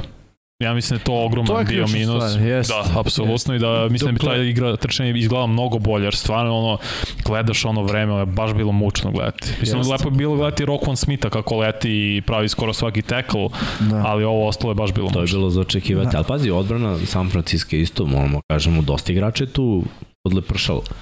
Nije to ona odbrana koja, sad mi nadomestit će oni to. Prvo im je otišao ofanzivni, defanzivni koordinator pre dve godine. Sa sobom je povuku dvojicu, Tako pa je. je jedan otišao u kolce. Oni su izgubili četiri pika prve runde u defanzivnoj liniji. Okej, imaju oni i dalje tu E, igrača ali koji su Kinlo izgledao baš dobro. Jeste, ali, znaš, gube malo po malo. I neke igrače koji su dovodili, kao na primjer Kvon Aleksandera, koji je odradio posao kao dodatni linebacker, znaš, i on je otišao, pa je Tart otišao. Kao safety, mislim, ne deluje sad kao wow, to je neko ime. Da li činio tu odbranu? Pa, Bio je činio to- je i gluposti prošle godine, ali da, okej, jednu razumeš glupost, šta znaš, hoćeš ali bio konstantan Ne, na promena je obaranjima. promena. Promena je promena, Da. tako i ne može to na jednoj utakmici. Ne Plus može. sad dođe kiša, Da. plus ti poceniš Berse, a igraš kod njih Da. i na kraju I na kraju Justin igra Fields Lemečka. ispadne heroj. A stvarno ispod heroj. Mislim, i Chicago je dobio ovu utakmicu, ja sam se smejao, sve vreme sam. Gledam rezultat i ono pozdrav sam gledao ovako, plako sam osmeh. Ne mogu kažete i Justin Fields imao 120 yardi pasu. Mislim, pogledaj, molim te ispravim ako greši, mislim, ili ti Jimmy kogod, Ali baš, gledaj, je, ma, baš je izgledalo ono, Ali samo drugo polovreme. Gledaj, on je igrao bitnije polovreme, drugo. ok, si jedan igrao prvo. drive, da, ok. Mislim, dru- Rekao bih dva drajeva, jer je ono, kupovo je, čak i kad nije dodavao, imao je ono jedno dobro trčanje gde se da? dobro snašao. 121, Da. da. Pa, 17 to- pokušaja, 8 mislim, kompletiranih. ali Ok, ali tako 17 vreme je bilo. pokušaja je mizerno, Vanja. Ali bilo je vreme tako da Pa ne, ja baš ne znam zato kažem. ofenzivni koordinator bi zvao Ne da mogu, ne mogu stvarno da uzem ništa na zlo Trey Lance. Ni sada hvalim Justin Fields zato što stvarno uslovi bili grozni. Nije bila kiša, bilo je... Jest. I Mislim, uzorak je mali. Tek je prva utakmica, ajde da im damo, da im damo šanse. Bi bilo loše vreme za obojicu. Bengals i Steelers smo prošli, Eagles i Lions i mislim Udri Jimmy. Pa ne, mislim, očekivan. e, onako počelo je malo klimavo, Detroit poveo. Uh, Fila se onda potpuno probudila, to je sve delo sjajno, fantastično i onda 38-35. To su opet neki problemi. Ali mislim, I kak- na kraju su Lions i stigli to. Bila je prednost dva, Jeste. dva razlike. Ali, Dva znaš, ne bi trebalo da stignu ako će to da bude ta fila. Ja mislim da fila i dalje pokazala neke svoje probleme. Činjenica da je Devonta Smith imao 0 yardi govori dosta o tome. Mislim da je sada fila um, ekipa koja nema pravi plan i nema pravo rešenje, ali imamo sileđiju. I ono, idemo na sileđiju. Dokle, siledžija. dok ga ne zaustave. Kad ga zaustave, onda ćemo reći da je to bila loša nedelja i da ćemo sledeće nedelje bolje. Mislim da će Fila biti najbolji tim po zemlji. Ove Pa, Svi sezone, u proseku. Ono, znači, Da, trči, bukvalno kud, svi QB trče. trči sad i Miles Sanders, što je odlično, to, ne znam, trčeći AJ Brown ako Može, treba. Će, šta će nego će da trči. Da, tako da, ovaj, e, ali, Ofenzivna linija uradila što se tiče Jest. run blockinga super. ali su problemi Justina, ovoga bre, Jalen. Jelena Hrca i dalje tu. Imaju, to je ono što, da. na, što me plaši. Što Ej, treba, treba da ti vremena, no. Pa, Treba, treba. da ti vremena, ali mislim opet mi pričamo o problemima ekipe koja je dala 38. Što bi rekli problemi prvog sveta. da, su Ni, 38 nisu još to problema. neki, neki problemi. Opet Detroit se bori, ostali su relevantni, ostali su konkurentni. Jesu. To je, to je opet njihova priča i ne znaju da ispuštaju utakmice. znači, I to su i ovde uradili. Da. Uh, Patriots i Dolphins i to smo rekli Baltimore protiv uh, New York Jetsa utakmica koja je ono isto bila okarakterisana kao jedan Laganica. pa laganica kako da kažem. Lamar izgleda dobro. Jeste. Lamar izgleda baš dobro. Mislim, Lamar izgleda dobro. Pasom pre svega. Rezultatski ništa posebno kao 24 poena Baltimore, 9 Jetsi. Isto je padala kiša. Da, isto je padala kiša. Ali gledaj, Baltimore igru bez startnih running backova, opet. da. Jer je Jackie Dobbins skinut sa spiska i onda došao Kenyon Drake koji nema rep ono, Mm. sa prvim napadom. I, I to je bio problem. Trčanje nije išlo uopšte. Prva četvrtina je bila grozna. I onda je odlučio ofenzivni koordinator da Lamar malo pusti ruku, jer trčati nije... Jetsi imaju brutalnu odbranu, Mm. samo da se razumemo. Sos Gardner. ništa. Ne, ne. A, pusti de, secondary.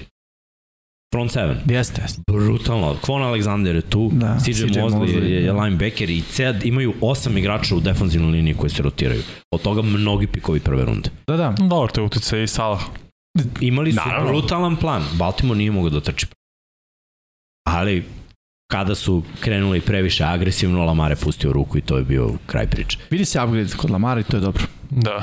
E, ovde treba 28 za Commanders, ali smo Peru baš izmaltretirali. Mislim da je ono izgoreo skroz. Znači je bilo 22-28 za Washington Commanders. Aha, imamo grešku, znači Da, u da, da, grafici baš sad 1-0 gledam. Commanders i 0-1 Jacks. Pera umalo mi nije izgoreo tamo, bukvalno, od Dobro. silnih grafika, ali da, ali bilo je blizu, stvarno, mislim, stvarno, ja sam rekao će Jackson da pobedi izgledalo mnogo bolje, Jeste, ali Nego prošle godine. Zanimljivije ne nego što sam da, očekivao. da, ne mogu još uvek jer novi trener, novi sistem i mladi su Jeste. i videlo se tačno na nekim pozicijama ono, to, to je još, još malo. Da, da. Prvo, ono što sam očekivao da će apsolutno da radi od samog početka utak- utakmice Marvin Jones i Trevor Lawrence, videlo se da Lawrence nije igrao mnogo u predsezoni. Trebalo mu je celo polovreme da se poveže sa Jonesom. Kad je to krenulo, krenuli su i Jack, jer Marvin Jones je ta vertikalna opcija, jedina koju oni imaju, jedina prava koju oni imaju. Kirk je u slotu, srednje rut, može on da ode vertikalno, ali on je za srednje rut. Marvin Jones hvata nemoguće. Etienne, to je ono što im je trebalo. Robinson da trči, Etienne da, da bude gadget, da radi i Mm. svašta. Defanzivno, nisu odradili svoj posao čim im je Washington gurno skoro 30 poena. Čim imao četiri touchdowna, Vance Vance, to je... Vance je bio mnogo Da, imaju i greške. A McLaurin nije igrao, bukvalno nije postojao tamo do, do imao je par samo do nekih tre- hvatanja kad je bilo najpotrebnije, ali na početku utakmice tih, E, tih, tih, nema ga Ali nigde. to je Carson Wentz. On i kad je bio u Fili, kad je imao dobar sezon, nije imao omiljenu metu. On je delio. Svima lopti. Jerc je hvatao i, I odbrana. i Alshon Jeffrey. Pa ne, E, znaš, šalim se, ono, znam pričam. jeste odbrana, da, ali znaš, on je, on je taj tip quarterbacka i to je dobra vest. Šta je još dobra vest? Mislim da je Rivera dobar, da ne kažem pravi trener za njega u ovom trenutku. Rivera je neko ko je pokazao da ume da stavi bilo kakvog quarterbacka, mislim pričamo Da. o Heinikiju, o Alexu Smithu i Ranu Fitzpatricku, u dobru, mislim, baš su tri ono sveta Jeste. u dobru situaciju I i, da ih stavi da mogu da pobede meč. I opet je taj neko ko podržava Vencu, izgleda da treba taj prijatelj trener. Da. Treba mu neko, znaš, Trebamo zagrljati. da ga za, bukvalno Stari brat. treba, znaš, e, to. Da. A Rivera je to. Jeste. I onda Vence se verovatno ovde sad osjeća onako kao, kao da je kod kuće, da, da ima neku podršku. Jer uvek je to bio problem. Sad, Reich ga je gotivio iz dana iz Filadelfije, bilo, videlo se da, da veruje u njega, Da. ali je brzo odustao od njega, kako je ovaj krenuo pravi glupost. Rivera ostaje tu pored Pa- igrača do kraja. Da su On je Reich, takav tip. Reich imao velike vizije, Da. koje ovaj nije mogu da ispuni i onda Preveliko očekivanje. prevelike očekivanja, tako je. Ajmo Ali dalje. okej, ajmo dalje. Imamo. Brownce protiv. Panthersa, to je bila ta najava. O, Sam rekao, ali Čab ne možeš da zaustaviš Čaba, ne možeš, to je... Pa ne, ne možeš da. Glej, Panthers imaju dobru odbranu Imaju. i, i ono što, što sam ja nekako video jeste da će da limitiraju bar trčanje Brown. Uh, Priset je odigrao loš meč. Ma da, pa šta? Nije, nije to bilo to, ali Chubb ubiše Panthers. I na kraju Baker je imao par nekih pokušaja da se vrati. Imali su poslednji napad za pobedu, mislim. Da se desi svašta, Moglo je. nije se desilo na kraju. Pa mislim dobro, da, da mnogo, Baker Mayfield. Mi, znaš šta, ne, mislim da nije to Baker Mayfield. Mislim da Baker Mayfield baš ima onu veliku nesreću. On je sad došao u Karolinu koja ima opcije, kao što ima u Clevelandu. Tad mu je, ono, prve godine Freddy Kitchens. Dobro. Mislim, mi sad pričamo o Benu McAdoo kao ofenzivnom koordinatoru Carolina Panthersa. Kogo god da je Matt Rule tu i njegove ideje, šta god da je došlo iz Giantsa kao ofenzivni um, veruj mi Jimmy, da uzmemo sad ti ja svesku i olovku, bolje ćemo smislimo. Pa Ja dobro, ne mogu da sad, verujem šta je bio problem sa Stefanskim? Stefanski je vrlo dobar ofenzivni koordinator. Jeste. I šta, Uh, i mislim, Stefanski je super ofenzivni koordinator, ali ne da, za, da quarterback prosperira, ako me razumeš. Njegove Dobro. šeme toliko otvaraju trčanja i to, to je isto kao Gary Kubijak. Nikad u njegovom sistemu nije bio neki quarterback ko, koji je izdominirao. Vrlo dobar sistem, zahvalan timski sistem gde se sve svodi. ko je bio ofenzivni koordinator Peyton Manningu? Kubijak. Kubijak. Zar nije bio Kubijak? jeste. Kad je bio one je- MVP sezone u Denveru. Uh, Ja mislim ne, da je bio. tad je Kubijak Hmm? bio, ne. Ili bio Adam Ne, ne, Gase. tad je Kubijak bio u Baltimore. Aha. Onda je Adam Gase bio. Ja, Ok. bio je, Kubijak je, gledaj, to je dobra zamisao i, i sve to što se kreće zonski i okreće je obično vrlo dobro za tim, ali nije, nije to za Bakera. Bakeru Pa treba neko ko će da, pro, sad, mislim, ja pričam ovo jer verujem da svaki igrač ima neki sistem koji bi njemu legao. Da, da. Još uvek nismo našli ofenzivnog koordinatora koji može da iskoristi, evo na primjer, gledaj sada u Minnesota kako ovaj sistem legao Kirku Kazansu. Kazins je od 2014. u ligi. A dobro, ali Kazinci svake godine uprkos ne imanja svemu, tog sistema sad- imao je ali- ali- 4000 Ali sad yardi. može da bude dobar, znaš. Pa može, Isto, ali... na primjer, Shanahanov sistem, legom Mattu Ryanu ili lego Jimmy Garoppolo, koji je imao je, najbolje sezone u tom sistemu Ali to je do Shanahana, znaš, pogledaj Jimmy G i Matt Ryan, dva potpuno različita quarterbacka i, ovaj čovjek napravi... Ubacujem treći koji je totalno razlika, Baker Mayfield, koji se neće pronaći u ovom sistemu. Ovaj Da. sistem nije za Bakera. Igraće bolje nego što je igrao prošle godine u Clevelandu, jer ima bolja oružja, jer ima Biće zdravi, prošle godine da. bio je povređen, ali opet to je ličilo na ono, prosječnog da, Baker ličilo je Mayfielda. na prosek, da. Stvarno Jeste. nije, imao je neka super davin to zato što su Browns imali blown coverage. Samo zato, nije bilo sa nešto wow kao prošlo između dva igrača u ruke, ne, u kom su bili sami igrači i samo je to iskoristio. Tako, ali znaš šta je malo je poražavajuće, Baker ima ruku i vidiš da baci Anderson onu bombetinu za touchdown, znači može da uzme top odbrana, jednostavno treba taj spread. Šta je mene oduševljavalo ko Shanahan u Atlanti? Svaka ruta je bila minimum 10-15 yardi, to je bilo najkraće, pa su išli dublje. I kad tako razvučeš odbranu i prosečan quarterback može da rešeta više. Ovde se nekako sve tu svodi na, na blizinu i za današnje odbrane su momci lete u odbranama. Jako je teško. Bakeru treba samo malo više izaći u susret, a mislim da je McAdoo nesposoban za to i mislim da Matt Rule leti ako se previše uzda u McAdoo ili bilo koga svojih pomoćnika. Mora čovjek da uzme malo sam i da se izbori za svoje mesto da ostane starter, jer ako se ovako nastavi, ovo je treća godina ništavila mm. za Karolinu, iskreno. Pa dobro, okej, okay, ali i taj Christian McCaffrey nije imao, neka, imao mali broj nošenja. Ne, ne, ali on je bio zaustavljen potpuno. da. Znači, Ne, jeste. odbrana Clevelanda je rekla ono, linija. ako će da nas pobede, to neće biti To mora McCaffrey. Baker da McCaffrey bude. nije igrao, mislim, znaš, sad šta mi očekujemo posle dve godine izađe dečki ima 700 yardi. Da, nema šanse. Daj mu i daj njemu malo vremena da se uigra. Samo mislim da je malo Bakeru. nošenja bilo generalno i Bilo u je. igri trče. To je Mislim da to. Ej, a šta je bio problem Giantsa? Sigurno. Ali nisu imali ofenzivnu liniju, to je bio problem Giants. Prvi, prvi. I nije bilo ni nošenja, mislim. Znaš, mora, to, to, to mora se izmeniti. Mislim da Ajmo. je to problem koji se prene. Da, ajmo dalje. E, ovo je najveći šok. I meni, ali ne samo šok ovako, nego i šok za tiket. Jel da? Dobro, kota 1. Pade tiket na Colt, nije. Kako nije? Ti igraš sa X-om? Ne, Pa nema X, ako je, to je kota 1. ne, ne. ne. Nije, Kraj ne pada. utakmice- Ti imaš Da. X kao opciju. Pa ne, ako igraš sa X-om, onda si izgubio. Ali Da. ako ne igraš sa X-om, ja igram tamo da nema. X. Izgubio je, kako? Okay. Ne stavi na muku. Ne gazi, brate. Ne, ne, Žulje. ovo je neverovatan meč. Znači, ja jedino što mogu da zaključim da kolci ne umeju da počnu sezonu.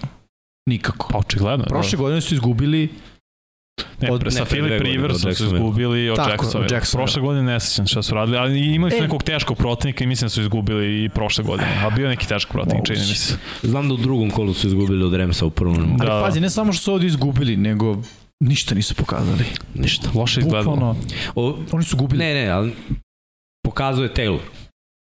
Imamo brutalan meč. Da. Koliko ima yardi? Preko 150. Stvarno? Da. Ali to pa kao da, kao da se nije videlo... Pa nije. Kad su gubili 23, Pa kako to. moglo da se vidi. Mislim, Da. To ono što kažu empty calories, znaš. da. Nije, baš je sve izgledalo nebično u kolcima i odbrana koji su stvarno mislili da će da svede na 10 poena. Houston, Nije primiš se desilo. 20. I to je koliko, na koliko je polovremenu bilo? Je bilo na polovremenu 23 ili taj... Ne znam da li je bilo na polovremenu, ali bilo je jednom dva- momentu ne, je- Mislim da je 10-3 bilo na U polovremenu. jedno, je u jednom momentu bilo 23? Bilo je, 23 je bilo. To je baš bilo onako gledam, da ih S vratim. Terom sam se 10-3 dopisivao i, je i, da, za i, Ceri sam, i Ceri sam poslao ono, šta, šta ćemo da igramo, evo on je izabrao da, da izostavi kolce, a mnogo nas je kopiralo od mene i bukvalno sve ide. Da, da. I ovo je Osim 10-3, ja rekao, dobar 10-3, mislim ono, prvo polovreme sporno su upalili jedan touchdown. Pam, 23. I to 23, sam otpisao, odmah se iznervirao. I to se vidim 20-20 produžetak. Rekao, je moguće ovo da su sebi dozvolili i rekao, ok, produžetak, ajde, sad će da se priberu i ostane 20-20. X protiv Texans. Da počneš sezonu. inače, kako sam, ako se ne varam, kolci su odmah doveli dva kikera na Jesu, ovog su katovali. Blankenship. Ćao. Ćao. Pa dobro. Znaš šta je tužnije? Što u toj diviziji su prvi. Sa 0-0-1 Da, i To počinju na baš C. Colts. Da, Pa kao. To je baš, to je baš tužno. Pa jeste. Okay. Idemo mi dalje. Ajmo. Ajmo. Da se ne zadržavamo na, na ovome. Bolne potrebe. Pa evo, Giants Titans. Proba. E, Seikon se vratio. Dable stvarno... Saquon se vratio na velika vrata, ono, džinovska vrata, ali ne samo on, nego ceo Dable je ta Dable, promena koja je da, trebala. Znaš šta meni samo je krivo? Što na kladionici nema fig za dve izgubljene lopte Denija Dimesa, jer je opet imao dve izgubljene ima lopte. dve ili jedno? Dve, fumble. Stvarno? Da. Zato i nema miksa. Da. Nije to slučaj. Daj, brate, fig. Ja Znam, znam, ali ja zato nema. moram. Nije Njega ne može niko da promeni. Ni Dable, ni, ni Da. Bog ne može da To je to, čovek će Dobro, bar je konstantan u nečemu, znaš. Tako je, pa šta. Da A opet, zameriš. i s time izgleda okej. A šta Izgleda ćemo s- bolje nego prošle godine, preciznije. A šta ćemo s Tennessee? A Teris ima 21-20. mnogo problema, na. Znaš, smo pričali, posuli se, znaš, nije više, nema ni dubine, ni, Me, znaš, meni, meni je ona logika kao daćemo AJ Browna jer dobijamo ruke koji izgleda isto kao on. Meni je to... I, Prvi će igru okej. Ok. Pa ne, igra je okej, okay, ali znaš, ono, jedno je kako izgleda na koleđžu, a drugo je imaš Ja. čoveka koji, znaš, koji ti je broj jedan, ono, zašto daje? Meni to nije bilo Da. smisla nikako, super mi je jer je AJ Brown došao u filu, Da, da. ali mi je ovo bilo Velika potpuno promena. ono iracionalno. Znaš, i sve će biti lakše ekipama da zaustave trčanje Tennessee. Te, A. Henry, koliko god da je Henry, uh, ima mnogo snimka, ima mnogo dobio onaj materijala. udarac. dobio udarac, Da, ok, do- nema veze, udarac je. su deo futbala. Opet je dobro trčao. Jeste, A utakmici. nije imao to je stoji, okej, nije imao imao je 101. 84, Ja mislim da okej, bio- okej. Je li tako? do 80, sad ću da vidim tačno. Mislim, Giantsi su imali taktiku defanzivno da zaustave trčanje i kada neko igra sa punim boksom, a ti imaš više od Tannehilla. 60 yardi, To je dobro, jer znaš šta, Derrick. Henry, Derrick Henry je jedan, nije, nije imao jednu breakout. Jer on je taj lik, kada je rasterećeni boks, jedno od ovih trčanja koje je imao Ide. bi bilo za 30-40 i on tako skuplja te To je ono, 100-150. home run hitter, znaš, kao i Jer on Saquon, napravi to je break. to. Ovde nije bilo gde da se napravi, na, naš, jer je prvi drugi nivo bio krcat ljudi. Nije mogao da napravi ni jednom break. To je ono što sam pričao, ima da teraju da, da ih Tannehill pobedi. Svaki tim će ovo da radi. Pa, pa sedi se, Baltimore to to neće radio uspeti. u play-offu kada je Henry Tako imao je. 60 yardi, a tipa imao je 20 na polovremenu. Jer su toliko ljudi nakrcali da su baš pozivali ono, ok, baci loptu. Ne, neće Da, da, da. istrčati, on nek trči 5, ali neće istrčati 25-30 kao godinu dana ranije. Mislim da je to bilo ono prva ekipa koja je pokazala kako. Sad će mnoge ekipe to iskoristiti i odigrati tu odbranu. Opet Giantsi ofanzivno su pokazali neki život. Dobili su tenisi koji kao ozbiljna ekipa. Pa prošle godine no, prvi nosi prvi seed u AFC-u. I gledaj, ali ja neću da kažem da je ovo promena za Giants, jer malo ozbiljna ekipa koja ima balans ne bi izgubila na ovoj utakmici, jer je tenis imao šut za pobedu. Jeste, Koji je je promena. kiker. Promena je u Saquonu u smislu mnogo ga bolje koristiš u napadu. Zašto Jeste. imaš čoveka koji zna šta treba da uradi. Sve bolje koristiš, ali Danny Dimes tu. I da je to- bio, je, i da je A kiker pogodio, koristiš samo na e, način. jeste, i da je kiker pogodio, A izgubili. to bi opet bi i dalje bi postao problem za Tennessee. Isti problem imaju Giants i Tennessee, jer verujem ako nastavi Tannehill ovako da igra do neke 10-11 nelje, vidjet ćemo Willisa na terenu. Moguće. I to je okej. Priča Čekaj da vidimo, kao ajde vidimo šta Oni ima. s tim. Viš da menjaju ceo tim. Pa da, Oni da. idu neki tihi rebuild, Da. pritajni rebuild. Da, da. Ajmo, ajmo dalje Ima ovaj, još da, da jedne. finiširamo. Mhm. Šta je ostalo? Packers i Vikings i to smo Da. pričali već. Cardinals i Chiefs. O, ovo Pa bilo da, ej, neprijatno. to, znači ja moram da, da kažem da ljudi nisu Chiefs ovoliko dobri koliko su čepili Cardinalse. Cardinals je jako loša ekipa. Meni Yes. su Chiefs I- dobri. Ne, ne, Chiefs jesu dobri. De facto, Cardinalsi su Dobro, loši. Cardinalsi mi nisu mera ako ih razvališ da si sad ultra Tako je. Chiefs su dobri kao sinoć. Da.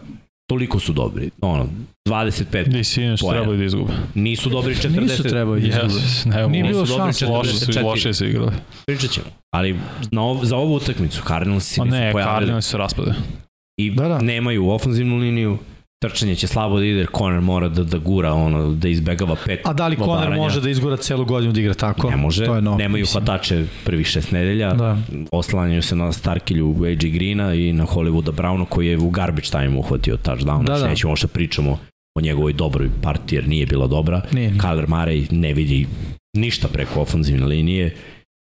To je to. Odbrana nije tu kakva je bila. Mnogo rupa ima u toj odbrani. Defanzivna linija ne vrši nikakav pritisak. Za Chiefs je ovo bio lakši trening. Jeste. Bilo je ono, prošetali su. se izgleda brutalno, stvarno je. Ali nije realna slika ni za jedne ni za druge. Nije. Pa dobro, nije, ali Prejak, su Chiefs meni... su prejaki za Arizonu, Da. a Ne, ja mislim da je za Arizona Arizonu za Chiefs. izgledalo realno.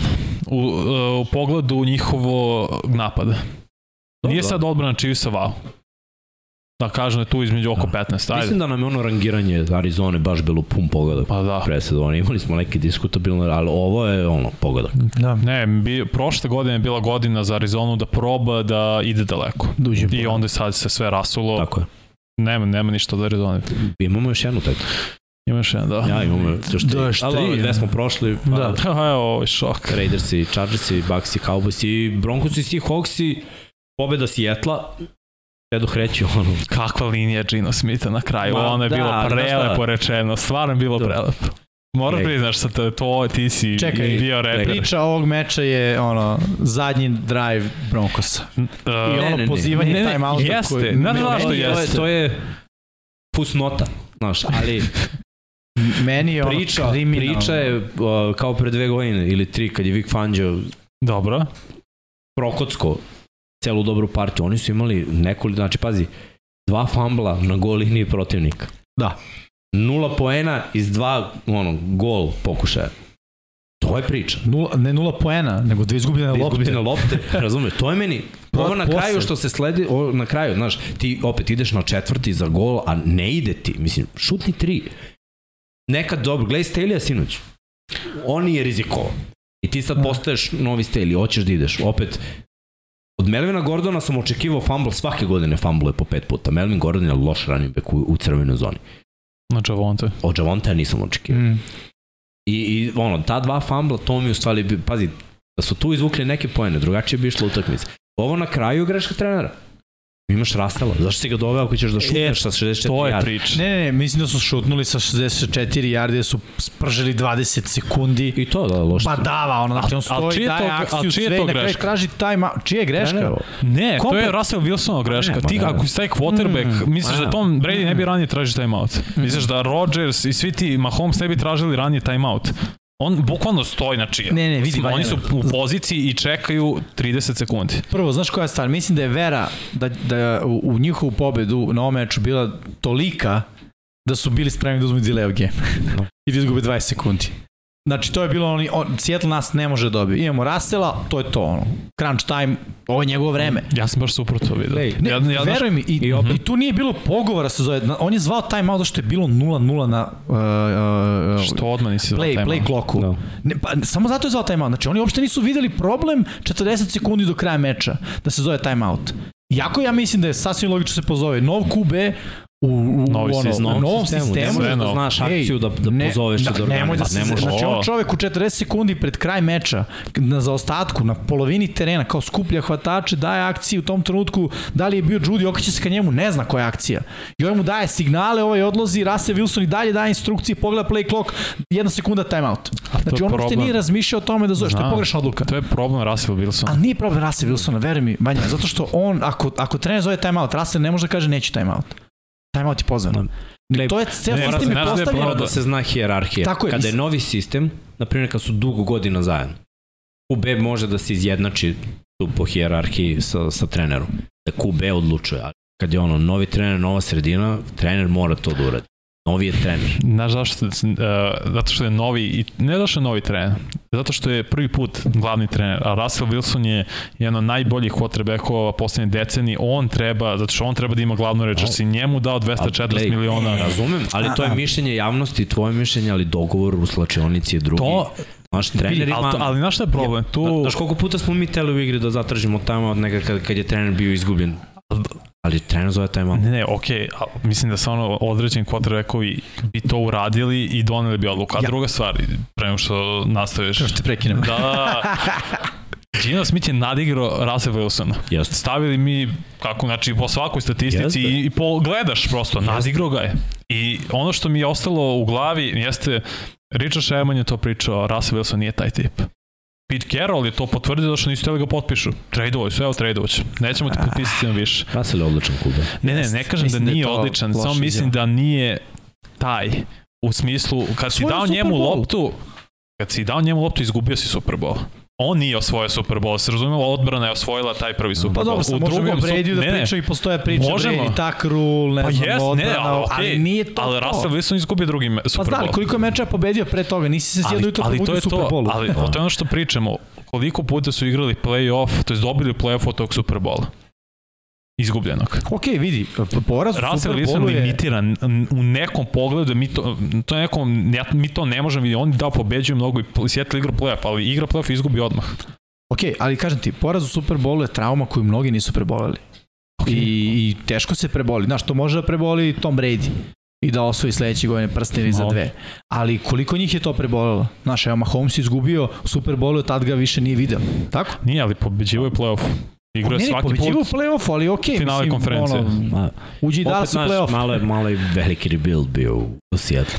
Šta ja samo mislim, prerano su dati drugog. ključevi grada Russellu Wilsonu. Prerano mu je trener rekao, ono, ok je. Ja se slažem sa tobom da je timeout trebao da se zove. Ja mislim A- da je i, išao na četvrtin za pet sa Russellom da bi bilo prerano. On njemu nije verovao, ima što quarterbacka i on je išao da šutne sa 64 yardi, to, što to se ne radi. Nije verovao, Stvarno. prvo nije verovao u svoj sistem u kom je on lično failovao u play callingu šest, u šest drajvova na ovoj utakmici. Protiv odbrane Sijetla koja je radila neke osnovne stvari. I ostali su bez Jamala Adamsa. Verovatno Do za kraja se onda. Ali, Do znaš kraja, šta, igrali su, igrali su neke obične stvari u odbrani. Nije to bilo nešto spektakularno. On nije imao neki sistem, šablon, ruta, koji je pravio razliku. Trčanje Denvera nije bilo ono, wow. Jer je opet nije znao da prati hot hand, iako mu je to kao neka zamisao. Javonte imao 7,8 yardi po nošenju, a Melvin Gordon 4. I pustiš Gordona dva drajva da vuče. Ja ne znam šta je to. Da, kao sad, da on sustigne, pa ćeš onda hladiš ovo ko ima 8 Ne može Gordon da bude starter, mora bude Javonte Mora Javonte. Mora bude Mi starter. pričamo o posljednjem playu, utakmici izgubljena mnogo ranije. Tri drajva su imali da daju poene, dva fambla, ono, u gol i još jednom nisu uspeli. Znači, mogli su da dobiju tekmu pre toga, pre tog šuta, pre te odluke dalje rasti ili nije, nebitno je. Ceo tim je failovao. Po ko zna koji put Denver gubi na jedan posjet, to, to je ova boljka mnogih timova. Ono, dođemo tu, na tri smo, na, na dva smo, bolji smo tim, imali su više jardi, Ali nisu bolje igrali. samo je Gino bio bolji od Russella. Sve ostalo je bilo timski bolje na strani Denvera. Imali su 100 yardi kazne. Zato kažem, nisu na, uh, nisu igr, nisu bili bolje. Pa jesu, jer hoću da ti kažem... Znaš, imali i su 100 izgubljene lopte i kazne, upravo to, sve ali kazne. su igrali bolje. Znaš, osim tih gluposti, znači kazni. Najviše Mogli su sebe imali da u prvoj dovedu- nedelji. Mogli, mogli su sebe da dovedu sa dva field gola umesto dve izgubljene lopte i nerealizovanim četvrtim downom mogli su da imaju touchdown prednosti. Seattle je sve iskoristio 100%. Gino imao 13 od 13. Prvo nekompletirano dodavanje imao u trećoj četvrtini. Bravo Gino. They wrote me off, but I didn't write back. Šta god to Rel- značilo. Relepo, da je to. To mora na nekoj rap pesmi se iskoristiti, Da. da. 100%. Neko će da Ali sve, super je bilo utakmica, Jeste. ja baš kažem Šonetu, drago mi je da smo radili jer je bilo toliko uspona i padova, ali veći su ovde tragičari Denver, nego što je Seattle nije uradio ništa spektakularno na ovoj utakmici. A Denver je prokocko sve šanse koje mogu. Da, Seattle je uzeo ovo što su im ovih dana. Da, si eto znaš, prvi u diviziji. Da nisu dva startna running backa fumblovala, onda bi možda i rekao Russell. Russell, on, dao hand-off, hand-off bio dobar. Da je Ovi- bacio, o, znaš, bilo bi, znaš, da nije Znaš. prošlo, bilo bi eto ga, super, Da. ovo repreza, ovo... Znaš šta, sad, sad je trčao. Da, da. Znaš, sad su trčali i ništa. Ništa. Nije tu Maršon.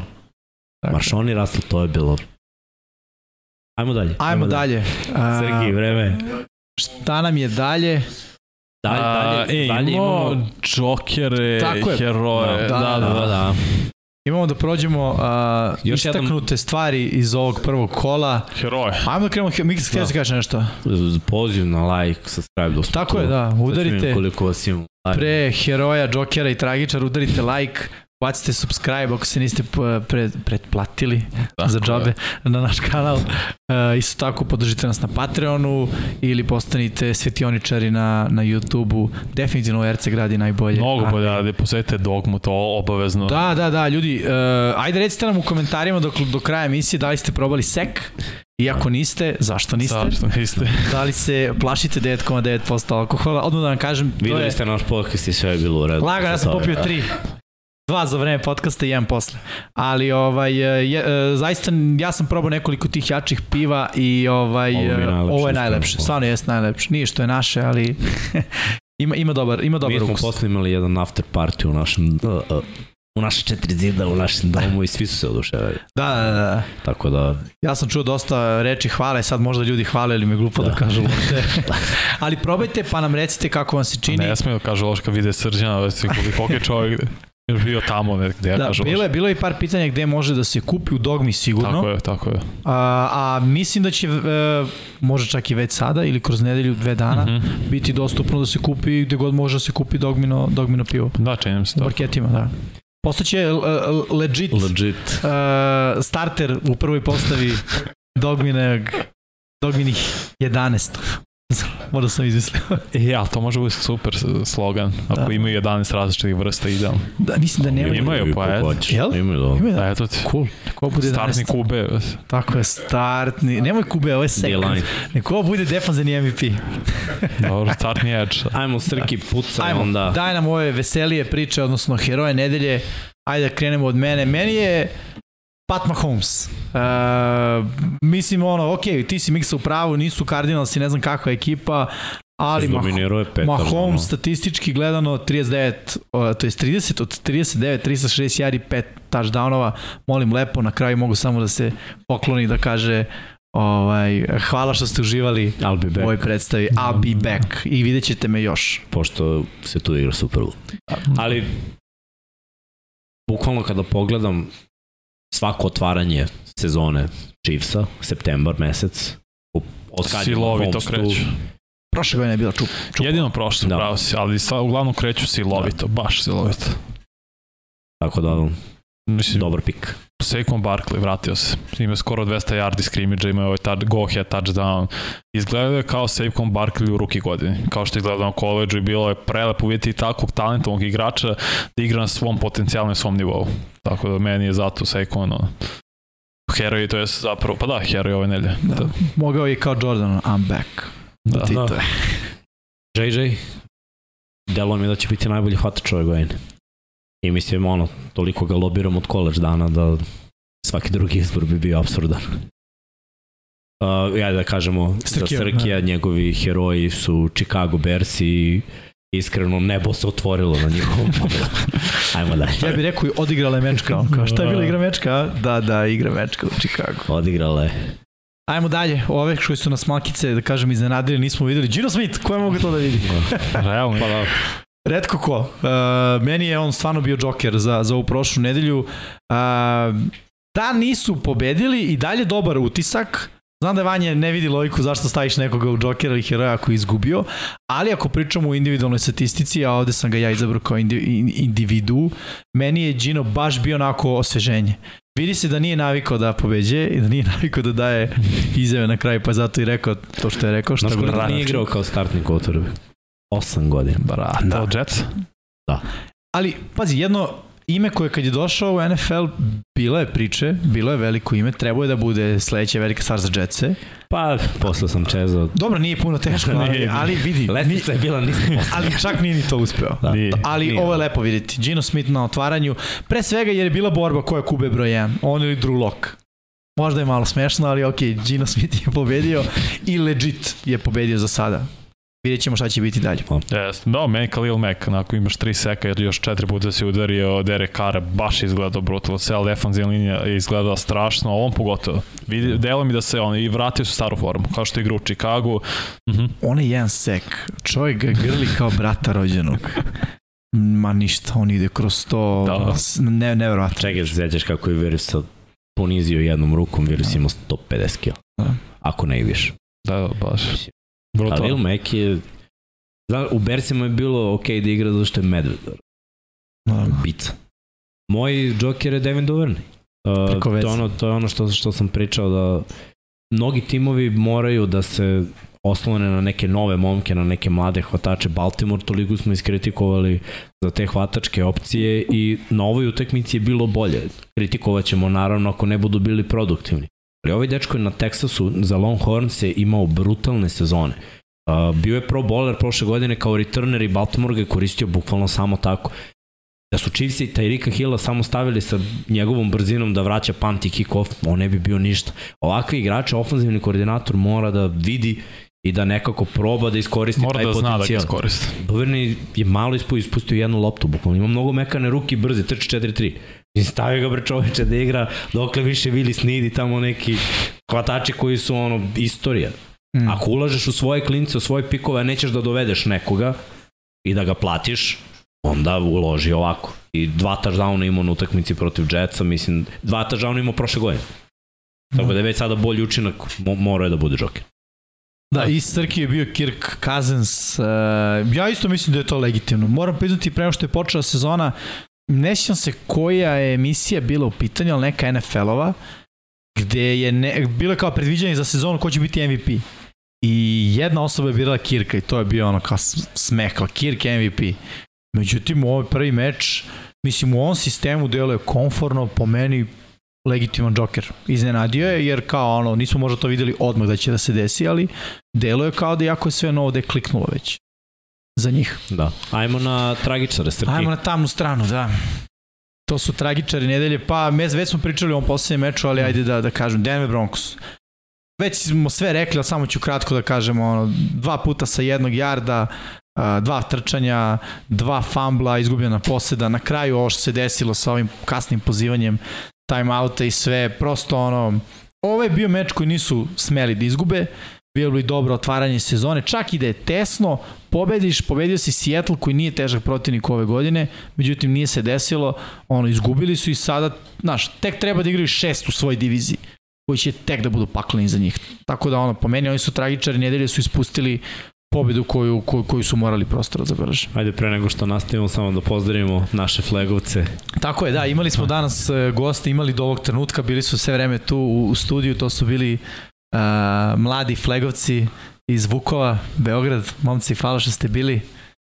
Nemamo, nemamo kameru ko, koja, Koja ovaj, snima vas, koja snima da. vas, ali Da. imamo jedan break, da, da uhvati mikrofon malo. Ajde, hoćemo Vukovi na tri. Šta, ja? Ajde, ja ću da kažem 1, 2, 3. Može? Da, da. Da, morate svi tu Čućite se, čućite se. čućite. Da, može? Ajmo, Vukovi na tri. 1, 2, 3. Vukovi! Bravo, momci. E, sjajno. Sad laku noć kasno je. Ili koliko je sad? Pravi. Kao, Pravi coach. Bravo, dobro ste izdržali, svaka čast. A, da, carski, carski. Vidimo tragičari. Pa. Burrow, pet izgubljenih lopti, mislim, baš brljava, brljava igra. I ako si elitni quarterback, a jeste elitan quarterback, ne smeš sebi da dozvoliš da imaš ovakve meče. Kako god da jeste brutalna odbrana Steelers, ali ti da četiri puta baciš presečan, da jedan ti bude pick six, dva puta još da fumbluješ, jedan, jedan put je bio izgubljena lopta, baš loša igra Bara i brljava i ne verujem da će tako se ponoviti protiv Dallasa, ali za ovo kolo je apsolutni tragičar. Da, to je jedin individualac ovde, pošto sve ostalo su timovi. Ja moram da kažem da ako igraš finale NFC-a, ne možeš da izgubiš od Bersa u prvom kolu sledeće godine, da ti ekipa maltene ostala ista. Fortunarisi su me baš razočarali. Bersi su na papiru, nama bili u ono, najgorih osam, mnogima u najgore tri ekipe u čitavoj ligi, talenat stvarno nije bio na nivou i dobiti ovako pretalentovanu ekipu San Francisco nije se poklopilo, ali eto, tragičari smo, pa da vidimo do sledeće nedelje. Za Srkija su kolci, mislim, realno mogli bi da budu za svakog od nas. Stvarno, i, i M što je izgledalo loše, M na kraju imao si šansu da pobediš, odigraš nerešeno. Mislim, ne znam da li je gore stvarno odi- odigrati nerešeno i izgubiti. Da, mislim, kao bolje je nerešeno, ono, baš izgleda loše. Da. Protiv Houstona koji su mi svi opet stavili kao top 3 najgore ekipa. Da se zapitaš, ni Matt Ryan baš izgledao onako, obično Hmm. Ništa se to nije promenilo igra na bolje. Ako je li Pitman imao 100 yardi, čini mi se hvatanjem na kraju. Na pitan se povredio na kraju. Ja, mislim da je imao, da je uspio da prebaci 100. To opet sve Pa izgledalo... ne, ali, ali to je gas ne. u finišu, kao, sad ćemo Pa pa da. da stignu. To malo posjeća na Atlantu u nekoliko sezona. 121 Pitman yard. Da, trebali su da ih oduvaju. Trebalo je tako. Stvarno je trebalo to da bude, ali ovako... Ajmo, ajmo onda na ovaj, sinoć. prvu utakmicu koja je odigrana u ovom drugom kolu, a to je bio Thursday night, sinoć odigran meč. Wow! Između Chargersa Uf. i Chiefsa. Uf, da Utakmica krenem koja je prvi. bila promenljiva. Prvo polovreme apsolutno je po mom mišljenju pripalo Chargersima. Mhm. Mislim da su bolje otvorili, ali malo ih prati peh. Jedan loš peh. Izgubili su Keenan Allen u prvoj utakmici, ovi su izgubili dvojicu ofanzivnih naša. Ništa a jedan, strašno. jedan, jedan od njih je Linsley, Tako je. koji odmah je pad bio u igri. Iako Pa, je Will bok. Clapp iskusan rezervni centar to koji to. može da igra garda, čim je Linsley izašao iz igre, e, napad Chargersa je stao. Nakon Linsley je bio ovaj udarac na Herbert, tako. A, ne, Lindsay je izašao kad su dali posljednji touchdown, prvi touchdown u drugom polovremenu. Kako su poveli, bilo... kako okay. su postigli 17. point, tu je Lindsay. Pa to, Lindsay posle toga je bio udarac što je dobio Dosta, Herbert. posle dva Dosta, ne, pa to, toga, da. mislim, Chargers su izgubili, propustili pardon, svoje šanse. Prvo Mahomes je bacio tri presečene lopte. Ali koje nisu bile, naravno. Nisu bile, zašto A nisu bile? Samuel- Zašto Sante Samuel ne može da uhvati loptu koju mu bačeno u ruke, tri puta. Bukvalno. DB skraćeno za Ba ne, drop balls. e, Je, jeste, ne, ali to su... Samuels je dva puta bio. Kyle Van Noy isto mogao preseče Jedno, loptu Da. Ne, i Samuel je bio tri puta. bio bi pick six. Bukvalno je samo Tri imao Samuel. Jednom E. na slentu, jednom na fejdu i jednom na crosseru. Ali umesto toga, Watson s druge strane, 99 yardi, pick Ja. 6. Ali gledaj, opet, pazi koja je akcija. Uh, Everett hvata loptu pre toga. Izbego je tri obaranja. I ti vidiš govor tela i lik traži izmenu, da, nije mu upravo dobro, to. ti ga nateraš, ostane u igri. I ne samo da si ga naterao, ostane u igri. Nego si ga gađa. Na nego si tebe. ga, ga, jesi vidio rutu, nezainteresovanost tokom Da, da, trčanja rute. Ne, on je... Ne ulazak u pivot. Tako je. Ti želiš da pivotiraš, da uđeš ramenom u igrača i da ti onda loptu na unutrašnje. Mislim, košarkaški, kao kao bi se gradio na niskom postu, mora defanzivac da ti bude ovde ako želiš loptu tu. Otišao ispred njega, bukvalno je hodao, nezainteresovan, bio potpuno. Jeste. I, znaš, ja njega krivim za ovaj interception. Ali opet prvo krivim trenera. Ne, da, krivim da, Staley. traži izmenu, daj mu izmenu, traži time out, Krivin radi nešto. Staley, apsolutno Krivin Staley, samo za to. Meč je bio super vođen, ali ta greška je prvo Staleyeva, jer je on pok... ne, ne samo i to je akcije, u dve, tri akcije pre toga opet pokazivo. drive, Pa da, umorio da- ali pokazao je kao ne mogu. Ne mogu, umoran sam, trebam izmena, ne, ne, kao. I opet taj Ever prošle godine je bio tri puta nama tragičar za Seattle, imao jednu jest, utakmicu sa Yes, tri fambla. Tri fambla, Znaš, da, da. nije, Ovde, nije to to, doveo si ga, izvuko si maksimum, menja i traži, ok, nije tu Keenan Allen, ali mora da imaš bolji sistem, opet to je, tek ste došli tu, to je prvi pokušaj za gol. Kako trči? Gde je trčanje? Realno. Cijel, ej, Ekeler je dao 20 touchdownova prošle godine, Yes. mogo je da da 30, nisi Crvene mu dao zone, tako. loptu, tako, Bukvalno. je. I ti opet, svaki, ej, im, svaki treći za tri i manje, Bilo je par pokušaja trčanja. Ja Bilo mislim je. da, da je od devet kažem. bilo dva trčanjem, a sedam je Herbert dodavao. Postaje izvaljivo. Ekipe, naročito u crvenoj zoni, malo je, ne, nećeš baciti dugo Naravno. jer malo mesta ima, znači gađaš tu nešto, ekipi nešto brzo super gađaš. je što si ti za prvi touchdown gađao fullback. Lepa akcija je bilo, sve školski On je bio odrađeno. sam. Pa da, zato kažeš, školski dizajnirano. odrađene akcije i zato kažeš, Chargers su stvarno izgledali i bolji bili su bolje. Vodili Iskreno su mnogo, trebali da su pobede. A znaš koliko su pojena dali Chargersi u četvrtoj četvrtini? Kako je krenula četvrta četvrtina? Da. 10-0 serijom za Chiefs. Tako je. I to je problem. To je problem od, izvini, pre nego što ti kreneš, to je problem bio i prvo meč protiv Raidersa. Su u drugom sta, staneš prosto. To smo i rekli. Jeste. I to je... je prvi drive bio dobro odrađen. Da li Jest. su, opet kažem, bez Linzlija, malo je bilo teže čekirati sa, uh, rush koji imaju Chiefsi. I ono se videlo. Koliko puta je od njegovog izlaska prošao linebacker s drugog nivoa. Da, bilo da. je dva utrčavanja kroz A gap, tog upucavanja. Bilo je nekoliko udaraca rezervni centar jednostavno nije Ne. to. Linzley je bio ocenjen pre dve godine kao najbolji. I prošle godine bio top došao tri. Prošle godine je bio top 3. Onda si izgubio posle toga desnog tekla. Koji je Nema na veze, srce. je, je starter. Koliko god, o, postoji razlog što je starter, nije on neki igrač. Nije uopšte. Zamisli koliko je njegov rezervista dobar igrač ako nije mogu da bude starter. Da. U NFL-u ne igra onaj koji ti je ono prijatnija ličnost. Znaš ono, Ko, a, to, se on je sećamo dobar kad, dečko, ajde kom bude Sveći kad starter. smo pričali prošle godine, zato što je zbog imena, znaš, Da. lepo zvuči Da. to. Da. Cam Newton, znaš kako to zvuči Znači, jako. ide tako George ide koji je bolji igrač. Znači, on je otišao, znaš, došao je slabi igrač. I sad koristiš rupu u sredini i koristiš rupu na, na desnom. Mnogo je rupa. Yes. Chiefs imaju nekoliko, prvo Dalmop, veteran, Clark, veteran. Imaju mnogo Chris dobro Jones, linebackere. brutalan. Billy Gay se zaletao i radio dobre stvari, Bolton Jest. je ubica. Jest. Našli su način, Chris Jones je počeo da igra kad, kad se Linsley povredio. Tako je. Jones bio tih, nisam ga video na To je pro... Ja uopšte nemam problem što su Chargers izgubili, jer stvarno su izgledali bolje. Da A su Chiefs su zdravi. rešili utakmicu u četvrtoj četvrtini, to rade Jeste. Chiefs. Pa to je ono što sam htio da kažem, znaš, to, to je razlika između ok ekipe i dobre ekipe, nemo kažem odlične ekipe, ali dobre ekipe, znaš, što ćeš da odigraš bolje u drugom poluvremenu. Super je što ti počneš jako i sve to, ti Da. jako uspo i Atlanta je počela jako, pa je izgubila. Sinci je prošle godine često počinje jako, pa Da. je stagnirao u drugom Mislim, polovremenu. Teško je da igraš četiri četvrtine na istom nivou, znaš, Naravno. pogotovo što na poluvremenu se prave adjustmenti i ako te uhvate u tom adjustmentu da, to je ta prilagođavanja, ako te uhvate u tome da se ti, da ti nisi promenio, a da su se oni prilagodili, ti imaš problem i to može dugoročno da bude problem. Ne kažem da će biti, Da, da, ali može da bude Mislim da je potencijalni Miksa problem. u pravu. Čim je Linsley Izašao, bio pa povređen, tad, je, tad se promenila Ali igra gledaj, i Chargers. opet je bilo ovako strateški par zamerke, evo prva. Uh, daj mi statistiku, Srki. A Eckler je trčao najviše, ja očekujem da on ima više nošenja E, od Mišela i Kellya. A su te, Ali oni su trude se da trče. Uh, Michel i Kelly jako dobar procenat yardi po nošenju. Uh, u jednom trenutku Kelly je imao 4,5, Michel je imao 4. Sad ima Ekler je imao manje, a, ali je, da kažemo, bilo okej. I ja sam očekivao da će to biti sveukupno preko 25 pokušaja, da ne bi bio opet Herbert Ali show. bilo je. Koliko je bilo? Možda pa, mislim Bilo da je bilo oko manje. 22, 23, ali Ali gledaj, stalo je, Jest. stalo je na polovini treće četvrtine.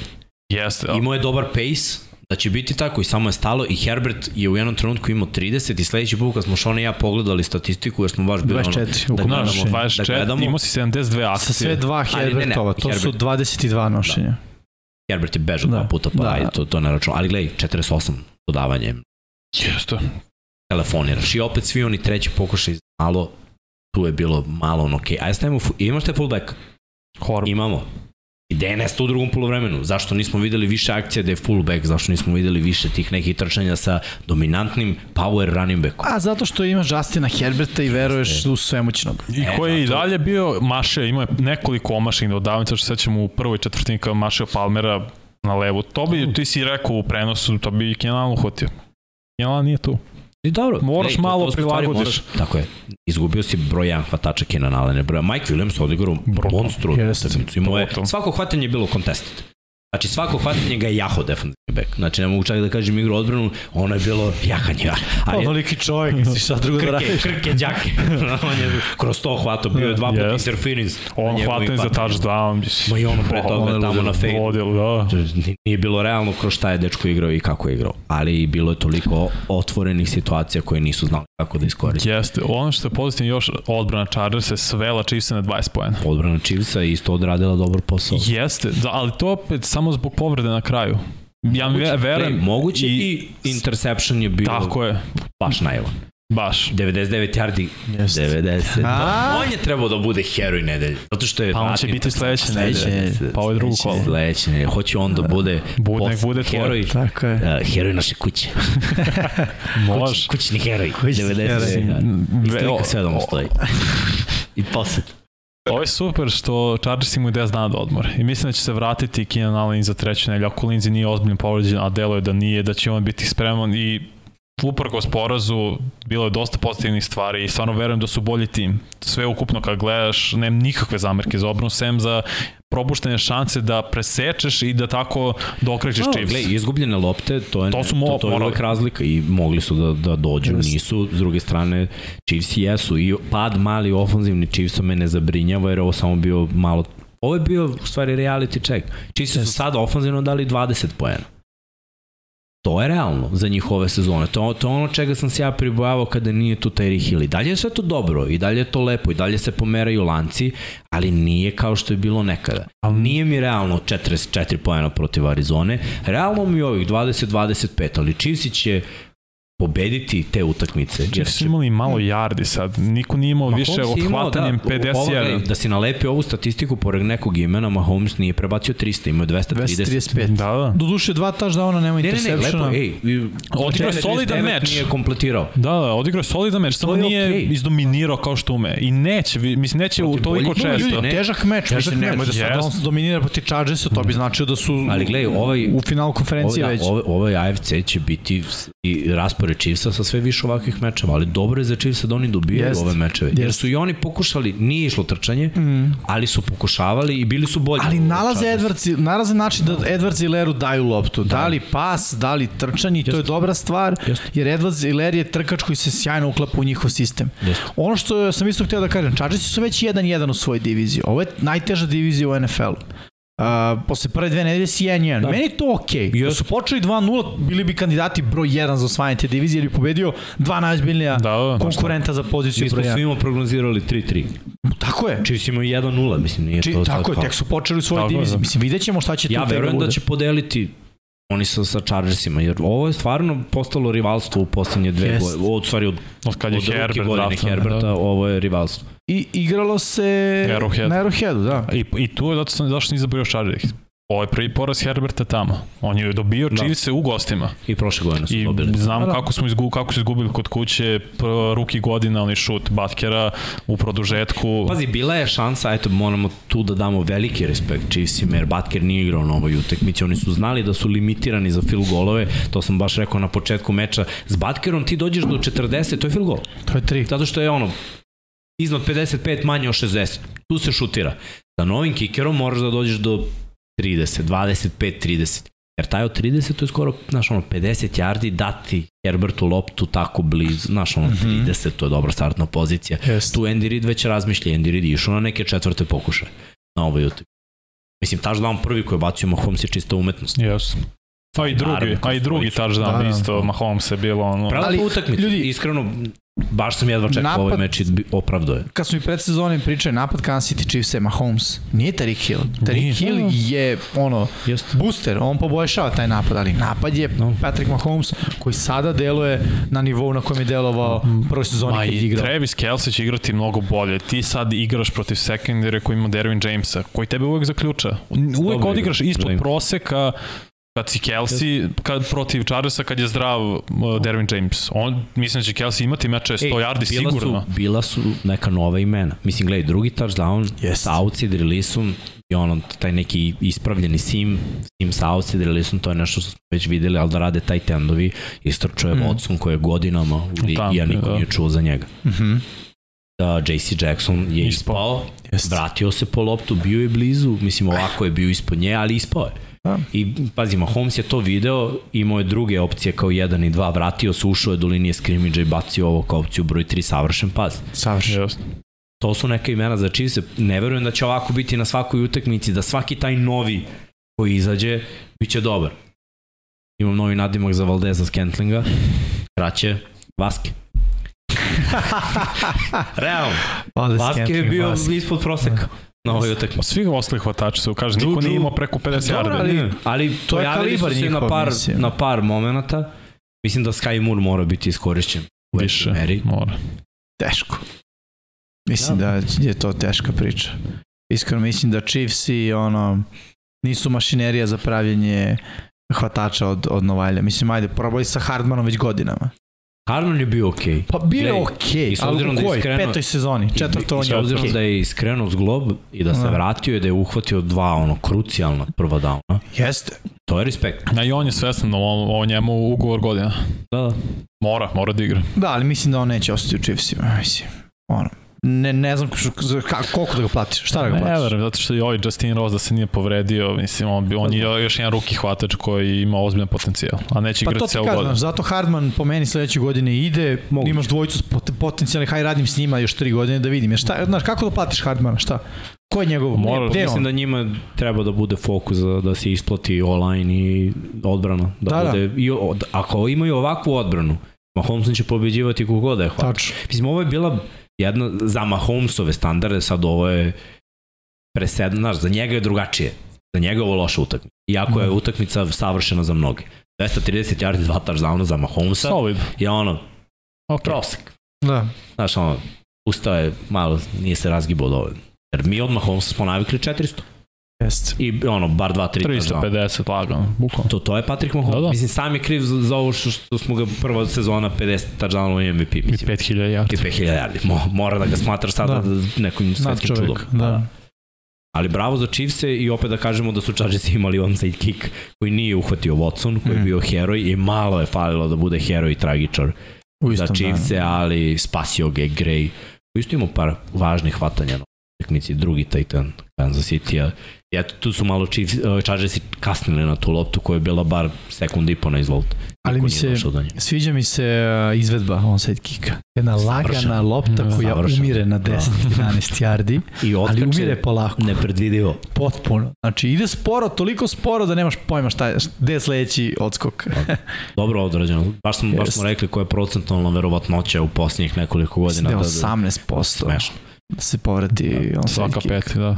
Tako Čak da, i manje. A, malo prosjeku, da. Da, da, svaka pet i po. Ajmo, ajmo na sledeći uh, segment. To će, to će biti utakmice koje Da, najavljamo da, kao najavljamo posebne ove- utakmice. Da, ostale utakmice, ali neke koje su mi izdvojili za ovu nedelju. Uh, krećemo od uh, jednog divnog rivalstva. Da, da.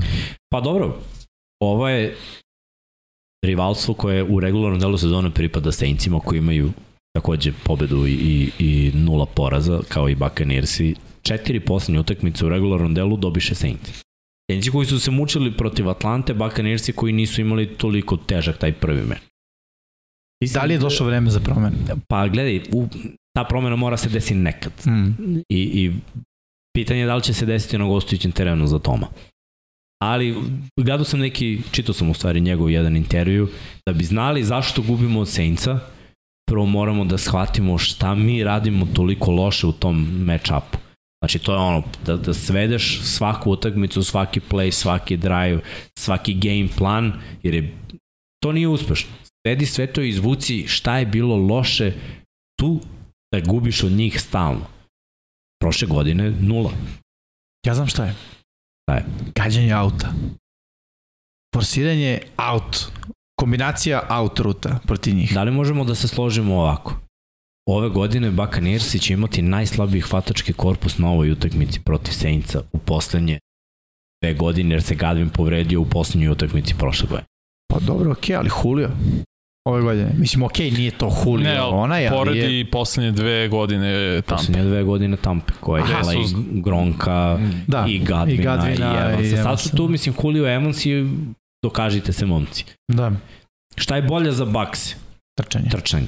Ko je protiv Saintsa ne prolazi. Tako je, sad Jesi ste to kažem. Da, Top i, 5 odbrana protiv trčanja poslednjih 5 I godina. hteo sam da kažem da smo viđali bakse i prošle sezone gde je ono a, ovaj Fornet izdominira i sledeće nedelje kao je ti tri nošenja. Bravo. I Ronald Jones će da ima šest. Da. I ono, izgubit ćemo. Tako da te stvari su ono krucijalna da se promene za Buccaneers. Ali-. Mnogo trčanja, play actiona i dodavanja. Saints imaju rupe. Atlanta ih je raščlanila u, u pojedinim trenucima. I bili su bolji kad je Cordarel trčao više. I oni su nekako stali. Ne smeš protiv Saintsa da staneš. Ko ih dobija u posljednje dve godine stalno? Fila. Ali da, ali dobije Da, ih i zato Baltimore ih je dobio. Ali, Zašto? Zato što quarterback trči pre svega. Ne samo zbog toga A, što ali to je glavni, to je glavni razlog. Ti, oni su d, dopuštali mnogo yardi timovima koji zvezda tu. imaju quarterback koji, koji trče. Ali, pazi, tim utakmicama i Sanders ima 100 yardi. Ne, zato što se sve i otvori. running backovi. Ja mislim da, da Tampa mora i po cenu da ne ide trčanje. Moraju da forsiraju trčanje. Saintsi imaju najbolji hvatački korpus od kad igraju protiv Buccaneersa u posljednje dve godine od kad je tu Tom. Realno. Ali najtanje kube. Realno. Pa, Pa prošle ne, prošle godine. godine su bili tanji s Kubeo. Je bio Tyson. I da, Da. Tyson je bio na jednoj.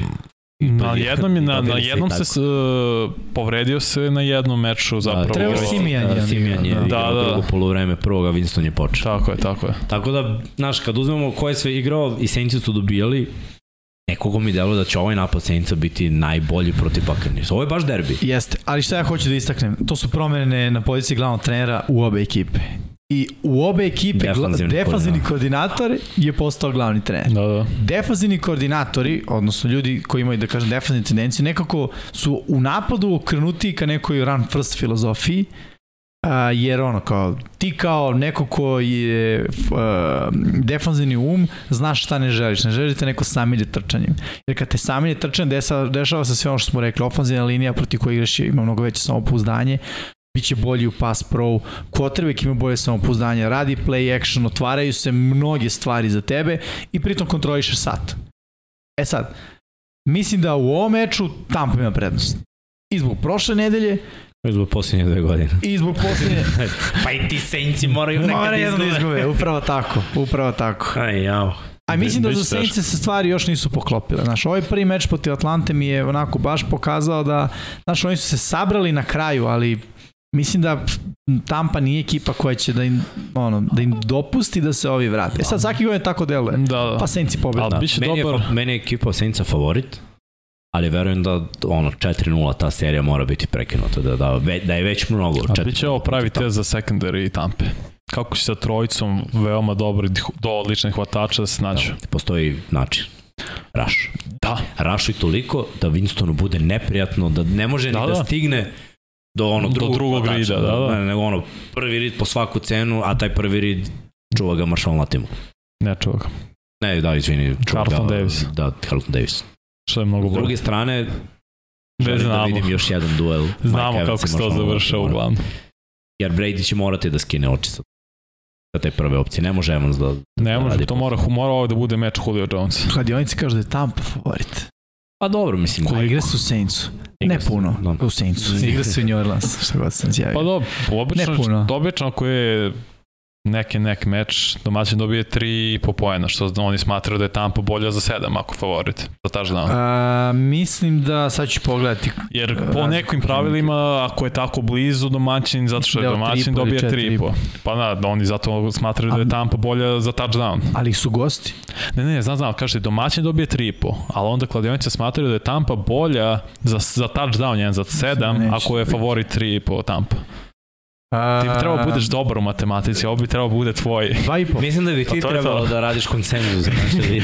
Ne, dva i po, ni- niste razumeo, ako je domaćin 3,5, ako je gost 7,5, Pa ja kažem 2,5, ti kažeš to je to. Ne, ne, ne, ne, nisam znao koliko je. Rekao Dva i po. sam, domaćin obično dobija 3,5 u kladionici ako Kada je su... favorit. Ako su blizu, ali je favorit. Tako je, zato što Kad je je domaćin. favorit. Pa da, da, ali favorit, oni veruju da je Tampa bolje za 7.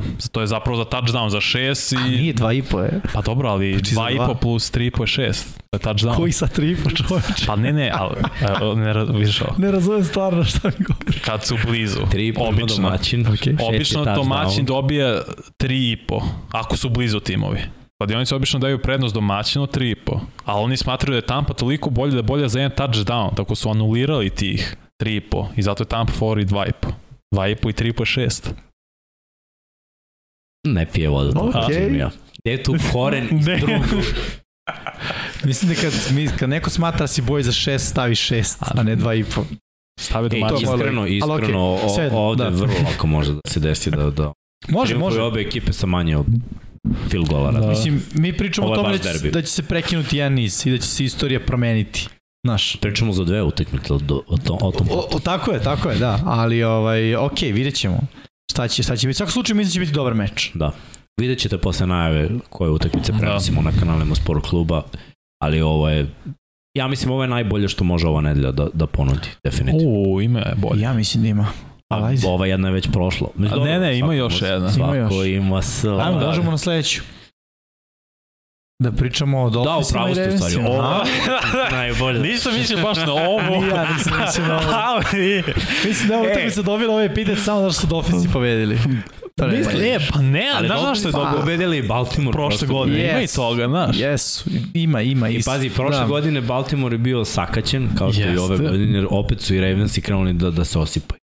I Ko se povredio? povredio se Fuller, koji je Dobro. bio starter na, na cornerbacku. corner za i celu sezonu. ga. Da, a, on je ACL za čitavu sezonu, a Ahilovu tetivu je Tu su Humphrey, tu je Peters. Ne, ne, ne od, ne od defanzivnih back. Uh, uh, startni Juan James koji je bio u Denveru startni levi tackle, A, ovde je malo desnog počeo igrao. kao desni i sad se i on. U stvari počeo kao levi pa se povredio, inače je bilo kao Dalon i Moses kako će da, Da se rotira. Tako da Ronnie Stanley ne igra, još uvek kao i Bahtjari, to je ta neka priča čudna o oporavku dve godine. Izgubljen još jedan startni, tako da igra uh, igra ovaj re- rezervni momak uh, McCary koji bukvalno igra sve. On je rezervista prvi na svim pozicijama. Na centru, gardovima i teklujima. Dobro, Mislim, gledaj, on je overall jako dobar i plaćen je ove godine baš zbog ovih situacija, ali on nije baš da bude startni levi tekl. Tu Miami može da ima prednost, jer će verovatno rašovati. Opet uh, gledam napad bez startnih running backova protiv ove odbrane Majamija Ne igraju. ne igraju. Ni Dobbins, ni... Ne, ni Edwards. I O, opet će Koja je biti opcija broj 1? Kenyon Drake. Kenyon Drake. Koji je bio u Miami. I On druga opcija je Davisom? Davis, da. Pa, Mislim, on djeluje kao opcija, bi Kenyon- pre njega uzeo. I meni, ali Kenyon Drake kao bolje hvata iz backfielda. Što je za playbook Baltimora. Da, baš ono... nebitno. Gledaj. Mnogo Važno čudnih- koliko i to, mnogo koliko ja spavam stvari, znaš, i, i nekako gledam kako, će, kako to može da se okrene ako trčanje ne ide, jer je Lamar mnogo nosio protiv Jetsa i nadobio se nekih udaraca. Ova dvojica su bila onako baš ispod proseka. Može to da se otvori u uh, raspucavanje protiv sekundarija Majamija koji je jako dobar. I prošle godine to nije išlo. Opet s druge strane, kad pogledamo odbranu, ona je izdominirala protiv Jetsa, 3 seka, 11 uh, udaraca quarterbacka, ali to je bio nepokretni flako. Tada, A nema veze, ni tu nije baš neka pokretljivost. Pa za Ali- flaka je... Ok, Da, ja izmislio dobro, pokretanje, slažem se. me razumeš. Ali Flako je šta ja mislim da Baltimore ume da uradi? Ume da eliminiše jednu pretnju. Uh, oni su Devonte Adamsa prošle godine, ako se sećaš, sa backup quarterbackom, skoro pa neutralisali protiv Green Bay. Pazi, Maron Humphrey igrao protiv Do Chiefsa. duše, je li tad Lav bio kuba? Nije, Ne. nije Lavi bio protiv Da. Chiefs. Adams je bio nevidljiv, zato mislim skoro nevidljiv, što je bio double teamu cela večer. Gledaj, A ovdje imaš Marlon dvojicu. Humphrey je igrao Nema prošle veze, godine. ja bi, izvini, zatvorio Tarika Hilla, znaš. Što je uradio Marlon Humphrey prošle godine? Kad su igrali Da. protiv Chiefsa. Uspeo je sva pomoći safety-a, naravno, da neutrališe njega, ali opet ima tu, opet je to bilo jedva na mišiće pobeda protiv Chiefsa, koji su Da. naravno institucije jer imaju Mahomes. Postoje načini obe ekipe da triumfuju ovde. Miami treba, šta nije leglo u Baltimoru? Cover nula Uh -huh. sa blicevima. Da. Tu se Lamar nije snašao uopšte i nismo imali akcije za to. Mislim, sa blicima koji su se kasnije pretvorili čak i u four man rush gde ostali dropuju, ali stoje na liniji scrimmage, ono osam ljudi, on ne zna ko ide u tom Tako. trenutku i To može da bude veliki u očiglednim problem za pas situacijama ono, ume da bude problem. S druge strane, Baltimore, ako zatvori trčanje, što su dobro radili prošle godine i na ovoj utakmici protiv Jetsa, to može da bude problem za Miami, jer je ono tu show tu, znači da prangija To gol. Mm. A moram da kažem da secondary Baltimore, pa Peters je u planu kao da se vrati za ovaj meč, Henry, Hamilton, čak Clark i Marcus Williams koji u debiju imao interception. Deluje mi to skroz ok kao secondary. Nekako će se, ja mislim, sve svesti na, na to. Ko će ovde više da oduzme i ono, da li ćemo gledamo Lamara ili Tua show na kraju. Jednom reči manje pojena. Vrlo verovatno. Pa i prošle, prošle godine Prošle je bilo koliko je bilo, manje poena. 22, 14. Ma, I defanzivni touchdown je bio Da, koji je da. vratio Howard interception za touchdown. Tako da on, nije, ovo nije ta utakmica. Naravno, šalio sam se. Ali meni je New, Or, New Orleans i, i Tampa onako baš, baš jak. Možemo sve dalje. Ovo vam ja, Titans i protiv Bills. Pa da, Meni ne. Ali Titansi nekako deluju vidi, uh, mislim Njanjavo. da deluju u prilično njanjavo. Billse koji deluju baš jako. Tako je, slažem se. Ali, ne znam, Tennessee mi ima, znaš, ima potencijal. Mogu da ih iznenam, mislim da mogu da ih zagolicaju onako. Ne mogu baš da ih udare i da ih pobede. Mislim da ne mogu. Ali... Dobiš ih prošle godine. upravo tako. Doduše na Henry, Henry klizanje. je izdominirao. Jeste. Doduše na klizanje bil se nisu mogli da ga zaustave.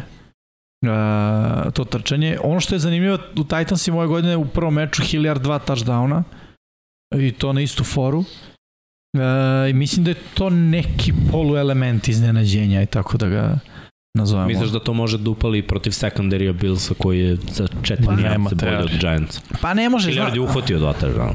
da, zna- znam, uhvatio je, uhvatio je. Uh, dva touchdowna. Pa, znaš kako, me, me, Billsi deluju premoćno. Stvarno premoćno. Ja mislim da Tennessee ne može puno da ih namuči ovde.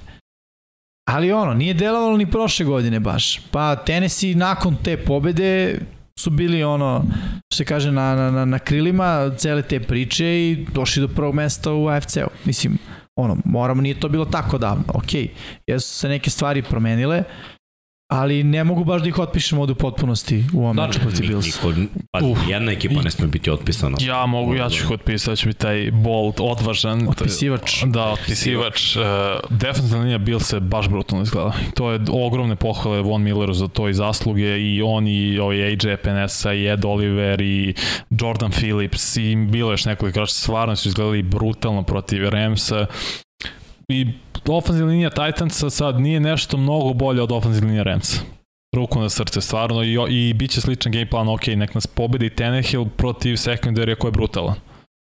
Ja stvarno mislim da će da, da će Billsi da što ti kažeš, ono, otšrafe sa Tennessee. Da će ovo biti ozbiljno, ono, ne, baš neprijatno iskustvo za Tennessee da krene 0-2 i da budu svesni, ok, mi nismo ni blizu Billsa koji svi ciljaju trenutno, svi misle su Billsa najbolji tim u AFC i oni shvatio, ok, mi nismo blizu toga.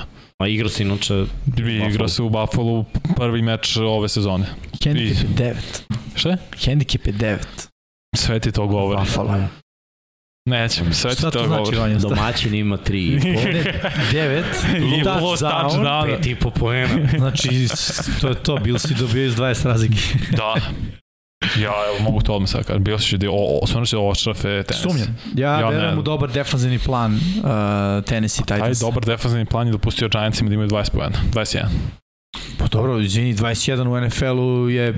U današnjem NFL Giants. za- Giants. Ok, sve jedno. Prvi, go, prvi meč Dayball, Giants. Da, ali 160 yardi trčanjem od strane Dobro, Barkleya. Čija ti je bolja odbrana? Uh, Ramsa ili Tennessee? Remsa ili Tennessee? Da. Pa, Remsa. Ovi su dali koliko Ramsa 31. laganih. Da, A, a trebalo je više. Mogla, ali nije bilo. Dobro, potrebe. ima i 10 dana da se spreme za ovaj meč. Oni su imali, ovi nisu. Da, Ne, pa ovo je baš vatreno krštenje za Titans. Da vidimo gde su. jeste. Ja smatram da su oni u blagom padu. Ajmo dalje. Ovo sam čekao. Dobro, ovo je dobro. Ovo je dobra. E, ovo je meni meč. Ovo je. Ovo, ovo će biti najbolji meč. Da, je li ovo Sunday night? Ne, Monday ovo je night. Monday Obe, night. Imamo obe dva su Monday Monday nighta i oba su u prenosu direktno. Tako je. Opa, Da, jedan počinje u 1 E, nisi ti rekao da radiš jedan. pa izgleda, da. Nisi znao. ne, ne znam da li sam ja, da. Otkaži planove. E, samo kaže da je Herbert ipak ima frakturu rebara. A to je bilo Da, jasno, čovjek. Ne, sad Krenuo da trči to... čučno, mislim, A, bohu, baš u akcije. Ono, Mnogo čudno, on je na kacigu pao, ne znam koga je Nije teklo. delovalo uopšte Nije, nije, nije. strašno. Da. Tako da sad su Ali ajde se vratimo mi na film. I na Minnesota. cepuj. I na neprežaljeni pik Justina Jeffersona i Jelena Rigora koji je sada u Minnesota. U istoj ekipi, da. U istoj ekipi, pik za pikom, Fila kaže Rigor, si mu vidio highlight kako vraća Na pantove. TCU. pantove. Uzet ćemo njega. Ko je ovaj JJ? Gde je igrao LSU? Šta je to nikad čuo? Daj ovog malog. Koliko ima hvatanja? Preko 100. Smešno. Koliki je? Veći od ovoga? Daj manjeg. Ima meke ruke. Daj ovog A srđa. da, ali ovo je igrao sa Barom, igrao je sa Jamar Chase. Zato ima realno. toliko, nije, nije to A sad. ovaj s kim je ovaj igrao? Tako je, vidiš šta je radio. Ti koga je igrao? Znaš, to su ti skriveni dragulji. Šal na stranu. A, jako težak meč iz perspektive ove majice. Uh, ali s druge strane i ono, ako hoćeš da budeš konkurentan u play-offu, ovaj meč u ovoj fazi treba da pobediš. Uh, da li ćeš ih pobediti? Hm, ne znam. Ono što ja mogu da, da vidim to je da je, već sam rekao, Fila je po meni jako providna ekipa. Mada u prvom meču Gaderta nismo videli Uopšte. skoro da ono nije postoje, nije ni Devonta. Da. Nešto mi smrdi da to nije bio game plan, nego da su prosto bili zatvoreni ono. I jedan i drugi. Devonta imao da li par targeta ili jedan čak, tako nešto. E sad što se tiče ono, odbrane Minnesota, rekli smo već dosta je bolja, pritisak je veći. Ali otvaraju oni dosta, samo nije imao ko to da iskoristi u prvoj utakmici. Bilo je, Tačno. bilo je par nekih gde, Ali da te pitam, uh, po meni Aaron Rodgers sa ovom decom na hvatačima možda čak i bolja opcija nego Jalen Hurts. Iskreno budem. E Jer njegovo ono donošenje moram odluka... Da, I agree to disagree. Morate ja tebe nešto Da, pitam. moram ja tebe nešto da pitam. Da. Je, je, se slažeš da ako baciš loptu 10 yardi do AJ Browna da on to hvata i Slažem ako ga jaše neko i još neko dođe tu da će on njih dvojicu da odnese nekih Ali 5 znaš šta je problem? Da Zavisi. će da ubode to Tako je, Hurts? znaš. Pa uboje u prvoj utakmici. Pa, Pa, uboje. jes. Uboje, do, do, pazi, Minnesota ostavlja. Secondary Minnesota je onako prilično Malo slab. tanak. I povredio im se ovaj mali cornerback uh, na, na D. De, Drex, nije Drex, uh, Dan, de, je da. tako, da, da. Tako nekako. On se povredio. To, malo su tu istanjeni, Patrick Peterson nije u onim danima kao nekad. Tako da, pazi, ja bih baš forsirao da Devonta Smith brz bude protiv Starkelje koji se sporo okreće i onda koristi ovamo na drugoj strani AJ Brown, mada ne znam kako će to igrati. Harrison Smith je i dalje ubica institucija, ali Da. mislim iskoristi, znaš, stavi Gaderta, baš ga iskoristi da, Tako da Smith gleda u njega da bi Fila ima oružje. Opet, Green Bay šta nije radio? Nije trčao protiv Minnesota. Mislim da ta odbrana i dalje može da popusti, a Fila ima bolju ofenzivnu liniju od uh, Najbolju ofenzivnu liniju, mislim da ima Ako Phil. pogledam i opet i Hertz može da trči i bekovi mogu da trči. I to je šansa Fila. Ako Fila krene da, da igra dodavanjem, neće oni dobiti minut. Nisu to oni. Ali ako krenu da trče i da smaraju, da, da umaraju taj futbol, da je- stavljaju pritisak na Kazansa i Minnesota da moraju da odgovore touchdownovima. To je šansa. Mislim, jako dobar game plan može da bude s obe strane, što su ekipe potpuno različite. Minnesota trči, ali mislim da, da je fokus Minnesota prvo da dodaje, a Fila trči i fokus im je prvo da trče, pa mogu da dodaju iz nekog play action. Sad sam htio da kažem, aj sad da zamenimo uloge. Aj pričamo napad Minnesota i odbrana File. Odbrana File, koliko god da na papiru deluje fino, 35 od Detroita je on, Previše. statement, Da. realno. Znaš, ne možeš da primiš to. Treba da se uigra. Pritom ono kao sekundari, brutalan ovo, ono, nahvataše se ovi iz Detroita, lepo su se nahvatali, ono, Jared Goff je izgledao kao NFL quarterback protiv njih. Što nije baš respekt, pa, mislim, budimo realni, Da. nije Je- baš respektabilno kada pričamo da, o da, da tome. je Rush File zakazao u prvoj utakmici? U meni delo da jeste. I, pa, je, Apsolutno. I povredio se jest. za sezonu ovaj veteran što je osvojio i Super Bowl. Leč, A, bar ne. Barnett. Barnett, da, da, to je isto veliki To je gubitak. veliki gubitak. Da, Jest. jest. Jer on on je- je pas. On je ne samo dobar rusher, nego, nego je i kapiten i dosta toga donosi ne samo na terenu, nego i van terena. Da. Sad bez njega ma, malo je to raspuštena banda s polja. U sredini su dobri. Jeste, sad ono što ostaje da se veruje, kao bajde prva tekma, znaš, pa Da. on, pritom bio si u vojstvu, vid, mislim, ne znam, kao delova, znao se da će Fila pobedi, m, onako, nije mi to baš bilo kao sigurno, znaš, nije, nije bilo kao gaženje pa su ovi nešto bez veze stizali, ono, mislim, 38-35 je 38-35, dao si mnogo, ali si i primio dosta. Uh, što se ovog meča tiče, Ne, meni se čini da Minnesota ima ipak prednost u odnosu na, na Filu, jer u Minnesota su stvari izgledale dobro, drugo Minnesota dolazi sa pobede, nakon dozi u ovaj meč, nakon pobede proti Green Bay-a, što je ono velika stvar, pobedio si svog ono arhi neprijatelja, kako se već kaže. Ali dolaziš u Filu. Pa dolaziš u filu, jeste, ok, i imaš neki ne, negativan sa njima Tako je. odnos, jer uglavnom Finale. ih fila izbacivala, Finale konferencije je bilo poniženje poslednji put. jeste, a i ne samo to, nego i kada god je bilo između njih i file koji ide u playoff, Pa. fila je išla, oni nisu. Ko je prošle godine ušao u play-off? Da, Tako da. je. No, ima tu nekih Ima, ono... ali payback time. Ja u to Misliš, verujem. a? Da, zato što ovaj, baš mi Minnesota dele kao ekipa gde, gde su kliknule, kliknule stvari, a Fila mi je ono kao, Fila od prošle godine posle AJ? Brown. Hm? Biraš Minnesota? Ne, ja ne biram Minnesota, A pa dobro. ali moram da sad racionalno razložim šta se dešava. Ti si čuo? Cvrkut ptice, zloslutnice. Vrapc. Vrapc. Kardinala. Najbolja izjava ikada. Dobro. Dobro, pa, ali svakako dobro smo najavili ovo, ovo je stvarno, Da. Da. stvarno jak meč. Jest. I ono što je Mislim da je- najzanimljivije, borili smo se da ne stavimo pet, jer neki drugi mečevi nisu zaslužili epitet ovih najavljenih, ali Pa da, peti je bio ovaj sinoć. Pa jest, Realno. jest, To jest. je. Tako je. On je Da. bio to i da, da nije Thursday night bio najbolji, vi smo mogli pričali o tome, jer je velik meč, Da. kao što je bio na kraju. nije šta je da vidimo ostale utakmice koje će biti odigrane Da, u Mm. drugom kolu. Ima tu, ima tu mislim da Evo, imamo to. Imamo, imamo. Samo da ga nađemo. Bam, Triple West Coast IPA.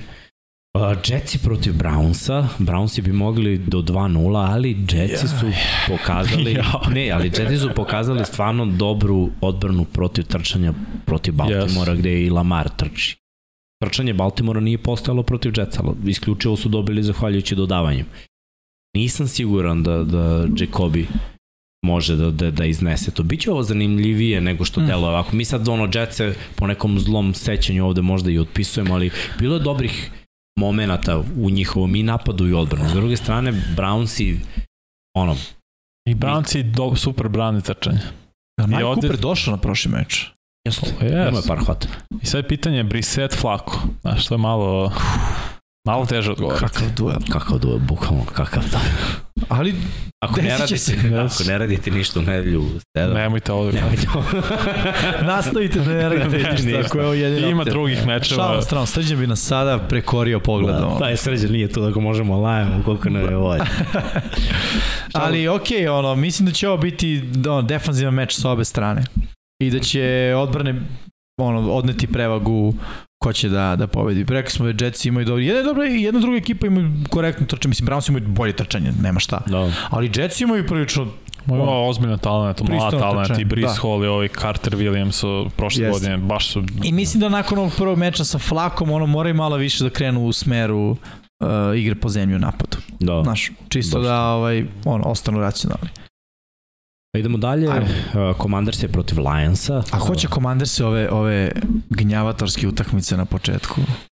Pa dobro, ali gledaj, ne mora da znači Lionsi su dali 35 pili. tako je. Pa Tako jesu. da ovo može da postane drugačija utakmica. Ali Ali šta, je, šta je više, ver, više verujem u Nekadašnji odbranu pik broj Commandersa. 1 i broj 2 bio je. Da. To ti kažem. Malo To je taj okrš, mislim, ja sad kad pričam o toj pompi nekoj. Ja i pre rekao umesto medijskoj koja okrši se iz kršaj. Ah, može i tako Koliko da je se Kofi kaže. ima na kraju touchdownova? Up protiv File. U karijeri ili... Ne, ne, protiv protiv File. File? Sad. Aha. Nešto na glavi 3, ali mislim sad da... ti, sad ću ti reći, Dobro, ali... ali... Gledaj, Venci Golf su dobro. Pa jesu, zato i kažem. I deluje Već imao da- da- 4. Može da bude zanimljivo. Sad, Lionsima treba ovo pobeda, jer su bili blizu protiv Fila, a Commandersi im dolaze. Dva. Još igraju dve utakmice na startu protiv Istoka NFC-a, što je opet uh, konferencija. Tako Da je. isto moraju da gledaju ako su im ambicije neke. Kao što smo čuli u Hard Knocksu da se domognu play-offa. Ovo moraju da dobiju. S druge strane, Commanders se bi krenuli 2-0. Pazi ti njihove prve dve utakmice otvoreno prvo mesto u njihovoj diviziji, jer Fila mora se pomuči sad u drugom kolu, a njima je ono otvoren put. Dobro, i Giants Dobro, ali imaju isto otvoren. Važna put. važna utakmica za, i za jednu i za Jacksonville i Jetsi su, da kažem, ne, Jetsi, bože, Jacksonville pa Detroit su dve, dva protivnika prva kola za Commanders. Da, pa to Lakše, lakše. Da. iskoristiš to, mislim. Da. Da. I vidiš da je divizija. Mada ono. ja baš ne, ne, ono, nisam siguran, znaš, da će oni to kao tek tako Ni ja. da Nisam ni ja. iskoriste. Ne bi me čudilo da Detroit ovo dobije uopšte. Da, Ja mislim da hoće. upravo tako. Ali opet, dok ne vidim nove Detroit Lions, oni su za mene i dalje Detroit Lions. E, ok, meni su ovo već, ako ništa, ono... Hard Nije mu knocks. bilo Nije mi. Ford T model, nego ovo je Focus, znaš. U Rally je bio dobar, Ford Focus, realno. To da Buccaneers i bude. Saints je sledeća. To smo smo već najavili, da. Rekli, možemo da idemo na Sledeći Bam. Falcons i protiv Rams. Ja mislim da će biti zanimljivo, ali... Da. Ali, Može ovo da bude dosta zanimljivo. Sad Ram, Rams imaju onako, šampioni smo, izgubili smo prvo, odšrafili su nas Billsi. Yes. Ovde već mora da, da se pokaže ko je Da, da, ko. Atlanta nije fizikalno na, na našem nivou i samo zamašan defanzivnu liniju Ramsa protiv mm -hmm. Mariota i to mi je razlika. Ali Artur Smith ako me je nešto naučio u, u posljednjih godinu i po dana jeste da zna da se spremi i da u svakoj utakmici Biće tu. bude tu. Ako igra Cordero Pattersona igra. Tako da dok je gore Corderella, ja verujem da Atlanta može Tako da je. bude u utakmici, ali Mada si- mislim da, da su Ramsi bolji. Da, lepo si rekao, Drake London pozitivno iznenadio. Pozitivno. Pić je konstantan. Nije prva Da. sezona bila kao... Ali- Ramsi imaju par nekih znakova pitanja, Allen Robinson nije postojao u prvoj utakmici. To- To smo pričali, neće on Da. postojati nekoliko nedelja dok se... Akers nije ništa Ništa. nosio. Ofenzivna linija je bila Ofenzivna linija loša. je bila gnjanjava. Jeste. Stafford je bio pogubljen. Jalen Jest. Ramsey ispadao na sve strane. Da. I sad opet mislim će ga čekati, ne, neće ga čekati Stefan Diggs, niti Kotrbe koji je približno dobar, ali ovo je prava prilika, Mhm. ok, sada se A osvetimo. dobro, dvojica od 6-5 i Pici London, No. to je... Ma neće on čuvati pizza. Je Mislim više da- unutrašnji. Da, ne, Nije taj biće, biće muke dosta da se sačuva pizza. Nije taj ten definitivno. Da. Dobro. A, sledeći je Seattle protiv 49ers. E, ovo, je, iskup- Iskup 2-0 Jimmy Ne, ovo je ona era, sećate Russell Wilson i Colin Kaepernick kao opklada u obrovu, koji izgubi Bri obrovu. Nekad Ne, bila. A Ovo je sad, iskupljenje Trey Lance kod kuće. Mislim, ako nema kiše. Tako, da, da, da. Dobro, Seattle dolazi iz kišnog grada, njima je to lagano. Mislim da donese Da. kišu. Da. Da. I sam si rekao, Seattle odbrani nije ništa igrao wow. Nije. Stvarno, iskreno nije. Tako Ali, da, I ofanzivno su George igrali- Kittle bi trebao da igra. da, ofenzivno viđenje su da igrali iznad svojih uh, mogućnosti. Mislim, svakako mora San Francisco da se povadi ovde na, nakon tog prvog poraza. Seattle, znaš, Seattle čini mi se da, da će nakon ove prve pobede biti na nekoj misiji, pa mi nemamo šta da izgubimo. Kažem ti, oni su prvi u diviziji sad. Idemo. Pa jedini su Da, pobedili. da. A, posle toga Bengals i Cowboys i ovo imamo u direktnom prenosu. Ovo će biti veoma neprijatno za Dallas. To je veoma, jasno. veoma Bengalsi su neprijatno. izgubili prvu i moraju nekako da pokažu da nisu slučajno se našli u Superbolu, a Dallas bez ono, startnog kvotrbeka, ofenzivne linije, hvatača, ma, užas. Baš Za- deluje. Ovo, ovo baš ide Bengalsima na ruku. Jest. Legla ova utakmica. Tako da mislim da, da ovde nema previše ni razloga da pričamo. Uh, Denver protiv Houstona, to je Houston ide u Denver.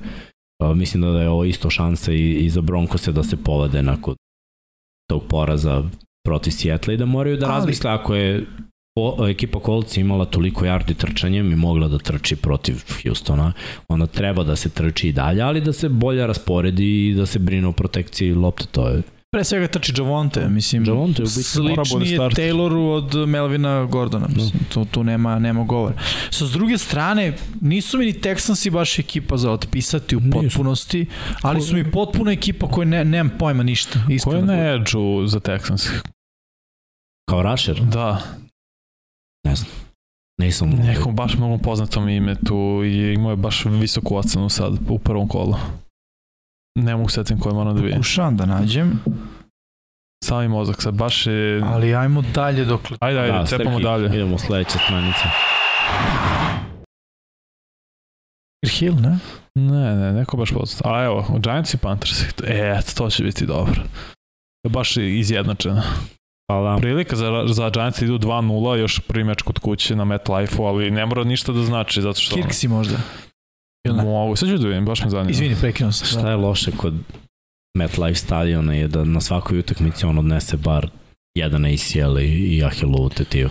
Da. I mislim stvarno, stvarno već par godina igrači šalju apel da se promeni ta podloga i evo na prvoj utakmici par igrača i Baltimora i Jetsa su se povredili na tom stadionu. Stvarno mi je neverovatno da, da, da forsiraju tu veštačku koju, koju imaju trenutno, jer svake godine se po utakmici bukvalno jedan da je igrač povredi. skupa. Neće da je meni Da, sad. pa mislim sve je to okej, okay, ali Znaš ko valjda su je, skuplji igrači, ono, dobro. znaš ko je Edge? Jerry Hughes. Jerry Hughes. Baš je bio brutalan. Baš je bio protiv kolca brutalan. Ali ovo, mislim, je ovo iskupljenje za Bakera. Ali čekaj, Baker protiv Danny Dimes. Mislim, da, neće biti to fokus. Ajde vidimo. Bi trebalo ne- bude Christian McCaffrey protiv Saquona. Pa da, To bi pa, trebalo. Saquon je tu, McCaffrey nije bio, znaš. Mislim, no, upal, nakon prve nedelje, ono. Da, da. Nemam pojma. Mora da mislim, bude promena i za jedne i za druge ofenzivno. Znači šta je za Giants fokus, protekcija lopte, šta je za Karolinu implementacija trčanja. Da vidimo te promene, pa Da. do tad mi je nepoznanica. Mali uzorak, jedna utakmica, šta da znam, mislim. Toliko je bilo lošeg, Giantsi su se izvukli, pobedili, Jesu. Karolina izgubila na posad, mislim, to nije loše, nisu bili pregaženi. Uh, Patriotsi protiv Steelersa, ovo je bila utakmica koju smo hteli da stavimo to kao, kao najavljujemo kao da je nešto Te, posebno. o, da ali- stavi. Da.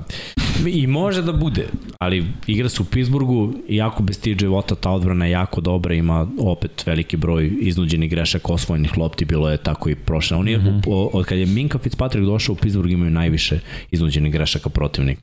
Pritisak im je ogroman protiv svakog protivnika. To čini odbranu Steelers. A Patriotsima to ne leži nikako. Čak je Miami s pritiskom poremetio skroz njihov tajming i, i napad. Tako da New England mora da, da oteža život Trubiskom, ja verujem da, da će oni uraditi, pokušati i, i da nekako nateraju Steelersa da budu ispod 20 poena, kako bi njihov napad mogao nekako da izmisli tih 20 poena. Pa vidi, da li mogu da zaustave trčanje Steelersa? Najee Mo- Harris igra, mogu, bila informacija. Mogu, da, da. da, mogu. To je, to je ključ. Ja mislim da je, da je to ključ. Da, da, da zaustaviš Steelers, to je da ih uh, držiš na nekom manjem broju poena. Ako se to desi, Patrioti će u napadu igrati na manji broj poena. Ovo može da bude tesan meč. Ja ga vidim kao tesan Da. meč, iskreno. Mislim da će odbrana Steelersa da izvrši veći pritisak na ofenzivnu liniju i na Meka Jonesa nego što će to moći odbrana Patriots i na Trubiskog i na ofenzivnu liniju Steelers. Mada dobar je bio pritisak za tu. I njega su sekovali tri puta i imali pri, Da. veliki broj pritisaka. Tako da ono, već su radili. Ju- Judon mora da iskorači da bude ono kao najbolji Da, da. definitivni linijaš na ovoj utakmici. Kad nema TJ Vota, mislim da da ono. Oni i ovaj Barmor u, u sredini Mm -hmm. i ovamo Hayward mora da bude kao u prvoj utakmici dominantna sila i da vidimo ko će da se pojavi sledeći. E sad, meč svih mečeva. Da, da. Ovo je treba se najavi. Koliko ima? Šest u nizu. Sedam. Sedam. Sedam. Sedam u nizu pobjeda Jacksonville Kod kuće. kod kuće. I Protiv sad Coltsa. igraju Kolce koji nemaju još uvek pobedu Pobedu. imaju X. A zamisli da počnu sa nula, A šta god, protiv, nula, igraš jedan, protiv ja. Texansa. ili 0-0-2. Ej, ajde, Za dve ner... Au, Sjeti da smo ne radili power rankings, kao kolci, prvo kola, Texansi, jedna pobeda, Jaguars, druga pobeda i sad nas ovde dočekaju sa... Dobro, ni- nisu 0-1-1. pobedili, ali nisu ni izgubili. Da. Ne znam šta da mislim. Mislim, znaš šta, moram da kažem da verujem game. u svaki niz da, da, da ono, mora da dođe do kraja. Da. Mada Jagsi su bolji Jesu. nego prošle godine u poslednjem meču. Ono, obezglavljeni bez Da. trenera, što je bilo dobro za njih u tom trenutku. Da. Ali ono, kolci kao, ako pobedimo idemo u playoff, znači pobeđi idemo u playoff, čekaj, čekaj, možda i ne. Um, Koliko je ovo od velike važnosti? I Ogromne ogromne važnosti. važnosti. A pazi, trčanje nosi kolce, a Jaguarsi imaju možda nikad bolji boks. Da, da. Pa pričao sam ja o tome da će ono, Dagi Peterson da pre svega sredi ono, odbranu protiv trčanja. To je nešto što kad je bio u Fili je ono. Pa i u ovoj tu diviziji kulturu. to moraš da radiš. Jest. Ne Jest. smeju kolci da izgube sad imaju 0-1-1. Pritisak je prevelik, ali znaš šta, Mislim, nisu sreća veliki njihova da za- ne odu playoff, ali kad Da. je pritisak najveći, tu se vidi ko je ko. Ali sreća njihova da je divizija slaba. I da su velike šanse da će Titansi da izgube. I da će, i da će Houston da izgubi. Tako da oni mogu da budu da dele prvu poziciju sa Houstonom i sa Jacksonom ako slučajno izgube. Misliš da će Juk Jacksonville prvi, ako po... Ja, da, Pobeda. da, pobeda. Vidiš. ali Misliš da će- da će Jug uh, AFC da postane istok E, NFC-a? To jest, ne, obrnuto. ali moram ti kažem, prvo je bio Jug, pa je onda Da. Da, Isto da. NFC jest. uzeo od Juga. Jug je uvek bio Jest. bedna Jest. divizija Jest. koja je jedna loša ekipa išla Pa u play-off. jesu, Texansi od kako postoje, ono, nisu nikakva specijalna Oni su franšiza. ulazili u play-off da i- izgube u prvom kolu, konstantno. Da. Da, da. Kada su ulazi. da. Jacks i osim onoga finala konferencije, finale bilo? Jeste, protiv Patriot, kad su dobili Mislim, gledaj, Steelers. posljednje godine, ono, dobri, dobrih kolca, to je bilo ono lak i izduvana lopta protiv Patriots. Pa dobro, i Rivers je bila dobra godina, mislim, realno. Jeste, playoff i da. umalo pobjeda protiv Billsa. Da, znaš. Ali su tu ušli kao drugi. Da, Da, da, nisu svoju diviziju. Imali su 11, pa i 5. Tennessee je dugo bio bez veze. Da, Oni su dok zadnji. Nije Vrabel došao, Da. pa ih je malo ispravi. Tako je. Šta znam, bit će zanimljivo. Mislim, Da, da, smejaću se ako hoće. Jacksonville ovde dobije, i, ali ne znam više ništa Mene da ne kažem. za iznenađuje početak ono 10-0 za Jags. Pa onda ćemo da vidimo. Coltsi su i prošle godine loše počeli. Da, i loše izvršili. Tri poraza su valjda imali u nizu prošle godine. Ako ne i četiri. Ajde idemo dalje. Baltimore, Miami, to smo pričali. Da. Tako da nas. Cardinals je protiv Raidersa, evo malo. Rede, redemption time. Pa da, Za Raiders igraju kod Da. kuće na svom stadionu protiv slabašnih Cardinalsa. Jeste. Biće Ja ogroman vidim problem za Raiders ako izgube ovo. E, onda će biti ogromnih znakova Ali i zašto pitanja. bi Kako bi izgubili? Ne, ne verujem da će, mislim da će da pobedi i da će biti lagano oko desetak razlike, stvarno to Mislim, pazi, oni mogu da izgube ovo samo ako Derek Carr ima četiri interseptiona ili ono, oni ako budu imali Jednako četiri Ma. Kyler Murray neko otršafi sam odbranu Raidersa koji nije ništa wow, ali opet imaju brutalan pass rush koji nije bio rush. protiv dobre defense, protiv dobre ofenzivne linije Chargersa se nije pokazao, ali protiv ovakve ofenzivne linije Cardinalsa moraju da ih pojedu. Gledaj, dovoljno da dignu ruke, on je u problemu. Mislim, svi imaju dva metra. Da, to je Chandler Jones, stvarno. Williams ima da, na, Ne, pa da, visoki. Chandler Jones protiv bivšeg tima. Pa da, najbolji uh, po broju sekova u istoriji franšize Cardinals. Tako je. Ne znam, ja ne vidim scenariju u kojem Cardinals je dobio. Isto. I mislim, i to je ono baš, baš, baš neverovatan scenarij. Šta me zanima, kad su posljednji put Bersi došli na Lambo sa boljim skorom od Green Bay? Ne znam, ali sigurno se da postoji ta statistika. Postoji sigurno, baš razmišljam da li to bilo 2018. Kad je bio Prvu Rodgers utakmicu. povređen. Prvu utakmicu su igrali. Ne, ja kad je da- Rodgers bio po- povredio se nakon toga, Rodgers nije igrao pola od 2018. George se povredio protiv Minnesota kasnije. Da, da, znam da. Nije na početku. Ne mogu da se setim kad su igrali. To u svemu, A da li to menja sad situaciju ovdje? Ne menja, nego Ne baš zanimljivo, ne pamtim, zašto ne pamtim kada su Bersi... koliko, ajde da budemo realni, koliko god Bersi odradili dobro tu prvu utakmicu, pogledaš roster, pogledaš talent, pogledaš match-upove, Packers i dalje imaju način da pobede Ali, ovde. znaš šta sad trenutno Bersi imaju što nemaju Packersi? Čini mi se, imaju hemiju.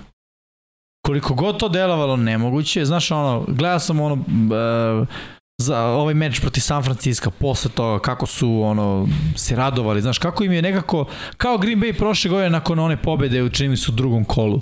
Tako su i ovi nekako se vidi timski duh, vidi se da igraju jedan za drugog. Ono. Jasno im je da nisu ne znam kakva ekipa, ali bih rekao da igraju jedan za drugog. Packersi sada i dalje postoji kult Alana, Arona Rodgersa i neokult svih ostalih. Ono, Ne. pa, znaš kao, imaš s jedne strane Alana Rodgersa i s druge strane Green Bay Packers. Sve ostale. Misliš da je to? Koji, pa ne, ne kao protivnike, nego kao to je to, tako stvari stoje. je. Znaš, ono, ko- eto, ko je, ko je rame uz rame sa Rodgersom? Prošle godine je bio Davante Adams, imao si duo. Rodgers Adams, ko je sada, znaš? Ko je rame uz rame u bilo kom smislu? To treba i to baktijari da bude. Ali ga nema. Da, da. Slažem se da je I tu i da je defensivno zdrav. nemaju nekog ko Nemaju. je istaknuta zvezda, Kao već imaju Jair. mnogo dobrih igrača. Da. Niko nije na tom nivou. Da kažeš, Niko Jair, nije iz celog tima Green Bay Packersa, niko nije top 3 na svojoj poziciji. slažem se, ono, možda bi za Darius Kao Jair. Smith bio da Pa je nije tu. top 3, ali mislim... Pa zar nismo povređen. stavili to? Pa, realno gledano, stavili smo ga za prošlu godinu, ali uzmi ovako, overall, za sve godine. Dobro, da, okej. Mi smo stavili prošlu godinu Da, da, samo da. kao, kao uzorak. A Aaron Rodgers je top 3 u svakoj kategoriji za prošlu, posljednjih 5, posljednjih 3, posljednjih 15. Znaš, ono, Da. Kad je start. on tako je. I Packersi nemaju drugog, s druge strane, Chicago nema nikog koji je u tom nivou i onda, znaš, ono, mi smo, naši smo, loši smo, ali ajde da E, probamo. ali Eberflus je uveo super energiju i Jeste. kaže i Fields da su mnogo agresivni, da mu se to sviđa što idu, prosto igraju agresivno, igraju s nekom straše, Da. to je do head coacha. Ovo je Sunday night, mislim, važna utakmica, samo što može da se desi da bude mučna za, za gledanje, ali nekako verujem da će Packersi to da dobiju. Moram da verujem. Ne vidim scenariju da je Ja samo Chicago vidim- 2-0 u ovoj Ja samo vidim da će biti teško. To, Biće, to, da. to sam, to sam Imaju siguran. dobru energiju. Pa sedi za prošle godine prva utakmica bila je egal prvo polovreme.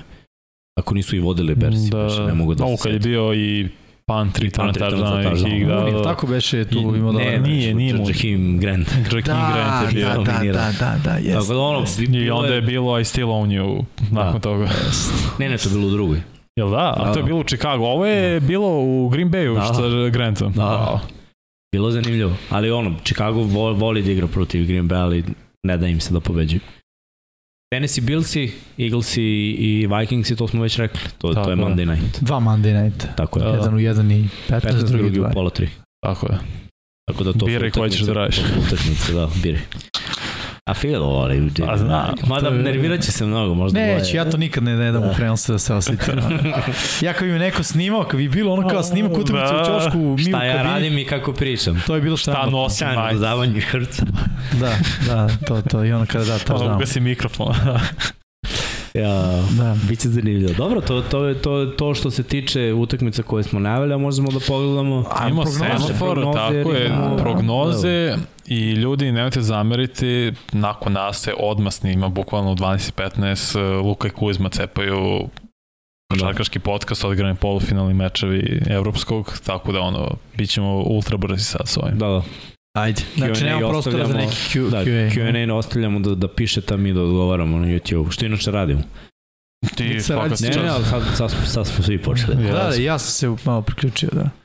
Ali ajde bacimo kako su izgledale naše prognoze u prvoj nedelji i ko je bio zelen, ko je bio crven. E, kako vam ovo izgleda? I ljudi isto pitaju, da li vam sviđa ova grafika? Jer su baš dvomili, da li da budu možda slova zelena, koja je tačno, a crvena, koja je netačno ili tako. Da... Meni se više sviđa video sam slova i Meni nekako mi nije bilo zatvoreno, ovde je lep, lepo Da, se da, vidi to, da, belo da. u zelenom i crvenom, tako da Tako nije to je. bolje. Meni je isto ovo cool, možda samo ova plava da bude malo svetlija ili prozirnija, ali ok, Da. ajde, kažite nam i vi I šta, pozadina šta mi je, znaš, onako malo mi je sivo i to ja bih pre da i u pozadini bude kralj. Šta Pokušaj bačene fore, ali dobro. Ajmo ovako, Srki, stani ovde u sredini slike ga, molim te. Na mestica, evo ti krona tamo iznad. Izduvana Da, krona. Da, mali izduvana, nema veze. Bio jednom jedan kralj.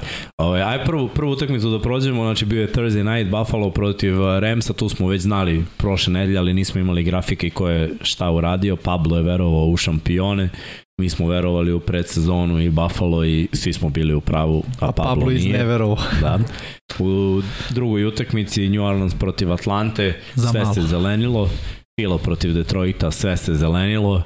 Cleveland protiv Karoline, Idemo. Uh, usamljeni Vuk Vanja koji je verovao u Cleveland, uspeo je, pogodio je U Čaba. Bakerless Čaba. Cleveland. Ne, nije verovao u Čaba, nego je verovao u Čanta. Čanta. Čant. U da. Čanta Hunt. i Ča, Čant, Čant. Je odneo pobedu ovde, stvarno. Tako da Baker ostade kratkih rukava, ništa od pekare. Idemo dalje.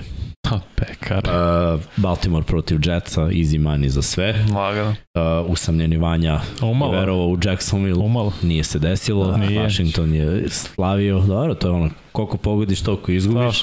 Niko od nas nije verovao u Dable i Giantse, Ne. tu smo svi pogrešili. Dable Vrabel, Able Vrabel, da. Kakav duel. Kakav duel. Kansas City protiv Arizone, usamljeni Srki je verovao u, Erceg. ne Srki veliki, nego Srki Erceg je verovao u Arizonu, ali izdali su ga vrapci. Kardinal. I sad kreće Ovo je, se. ovo već je pakao, da. Ovo je, ovo je, pazi, ovo je stranica favorita, tako da nazovem. Da. San Francisco, Ćorak.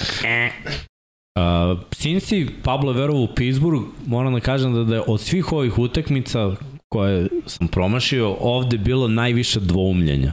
Šta staviti? Mm. Jer ono, Cincy mi je delovao kao ekipa koja opet zbog talenta može i stvarno koja gleda utakmicu zna da, da je Cincy imao dve, ono, dva, dve, dve šanse za šahmat nisu iskoristili, ali Pittsburgh je bio najbliži. Ovo ostalo, Chicago protiv San Francisco i Houston protiv Indianapolisa nisam video u najluđem snoju a to se baš desilo i zato se ovde najviše crvenimo svi. Tu čak ni Pablo, ni Vanja nisu bili hrabri Pa nema, tu je X da bio. to je X, Mi to obično ne ne biramo X. Tako je. Tako da. Pa dobro, a Ne, Perci, Pa Ne, mogu biram stvarno. nemoj pa to, to. Da, da, da. Kako? Ne deluje baš ne.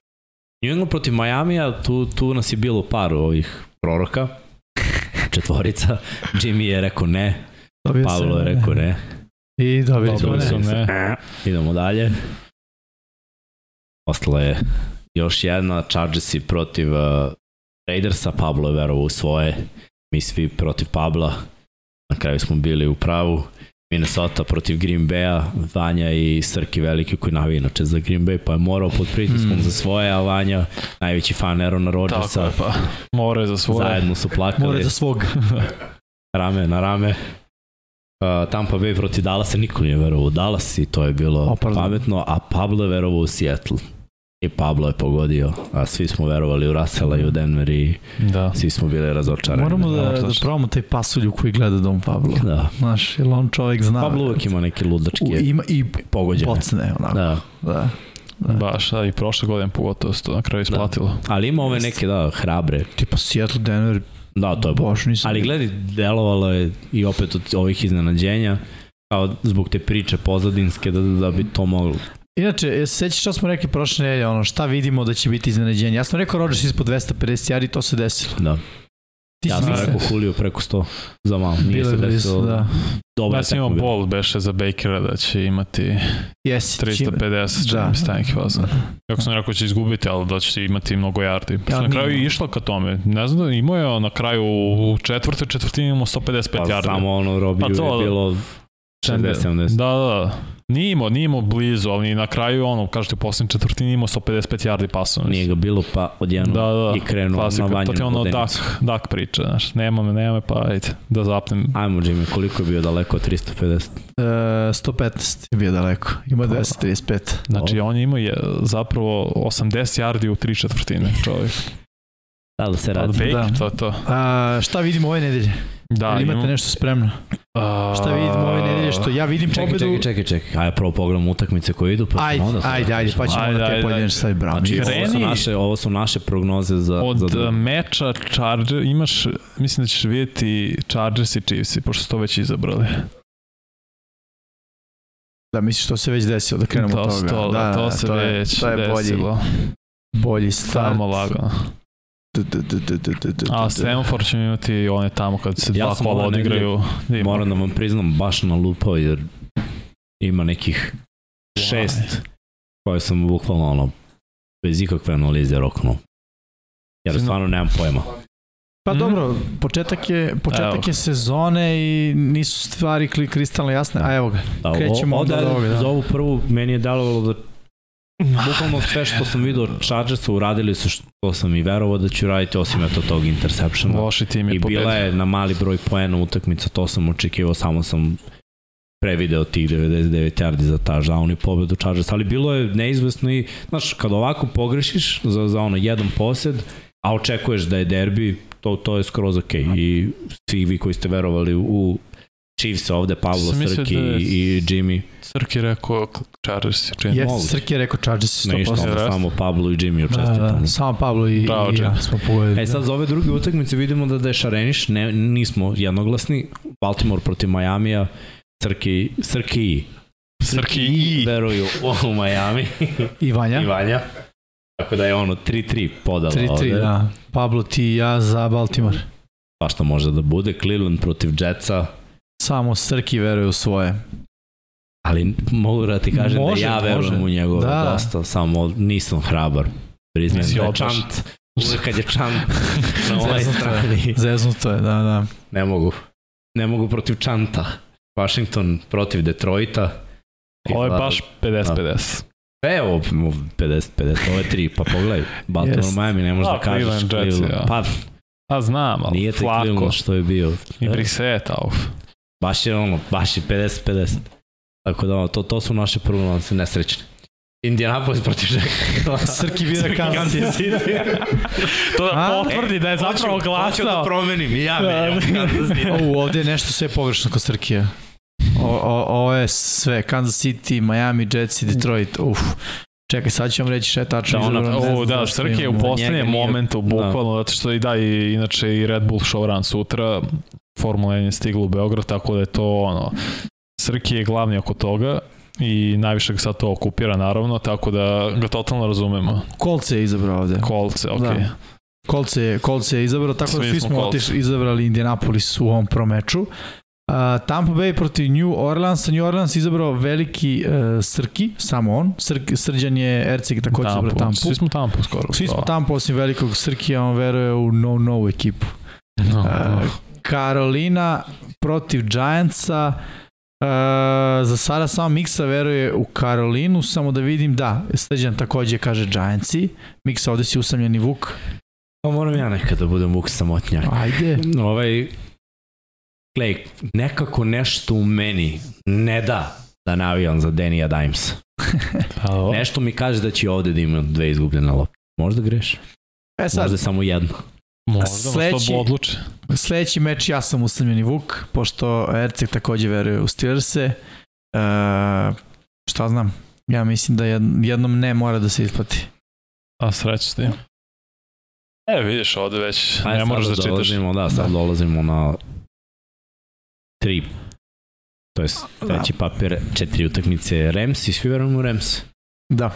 I svi verujemo u, a ne verujemo, Aha. Jimmy veruje u Seattle. O, Gino time. Moram priznati da je ovo bilo pre nego što sam saznao da je George Kittle trainer. A saznao sam pre dva sata, tako da, nema veze. Hoćeš Ostaću- promeniš? Neću E, pravo. imam, imaš pravo. Neću, neću. Da. Dajemo ti pravo. da Pošteno. Ali zašto Pablo veru- veruje u Dallas? Ne znam, Da. mislim da ovde kontrira.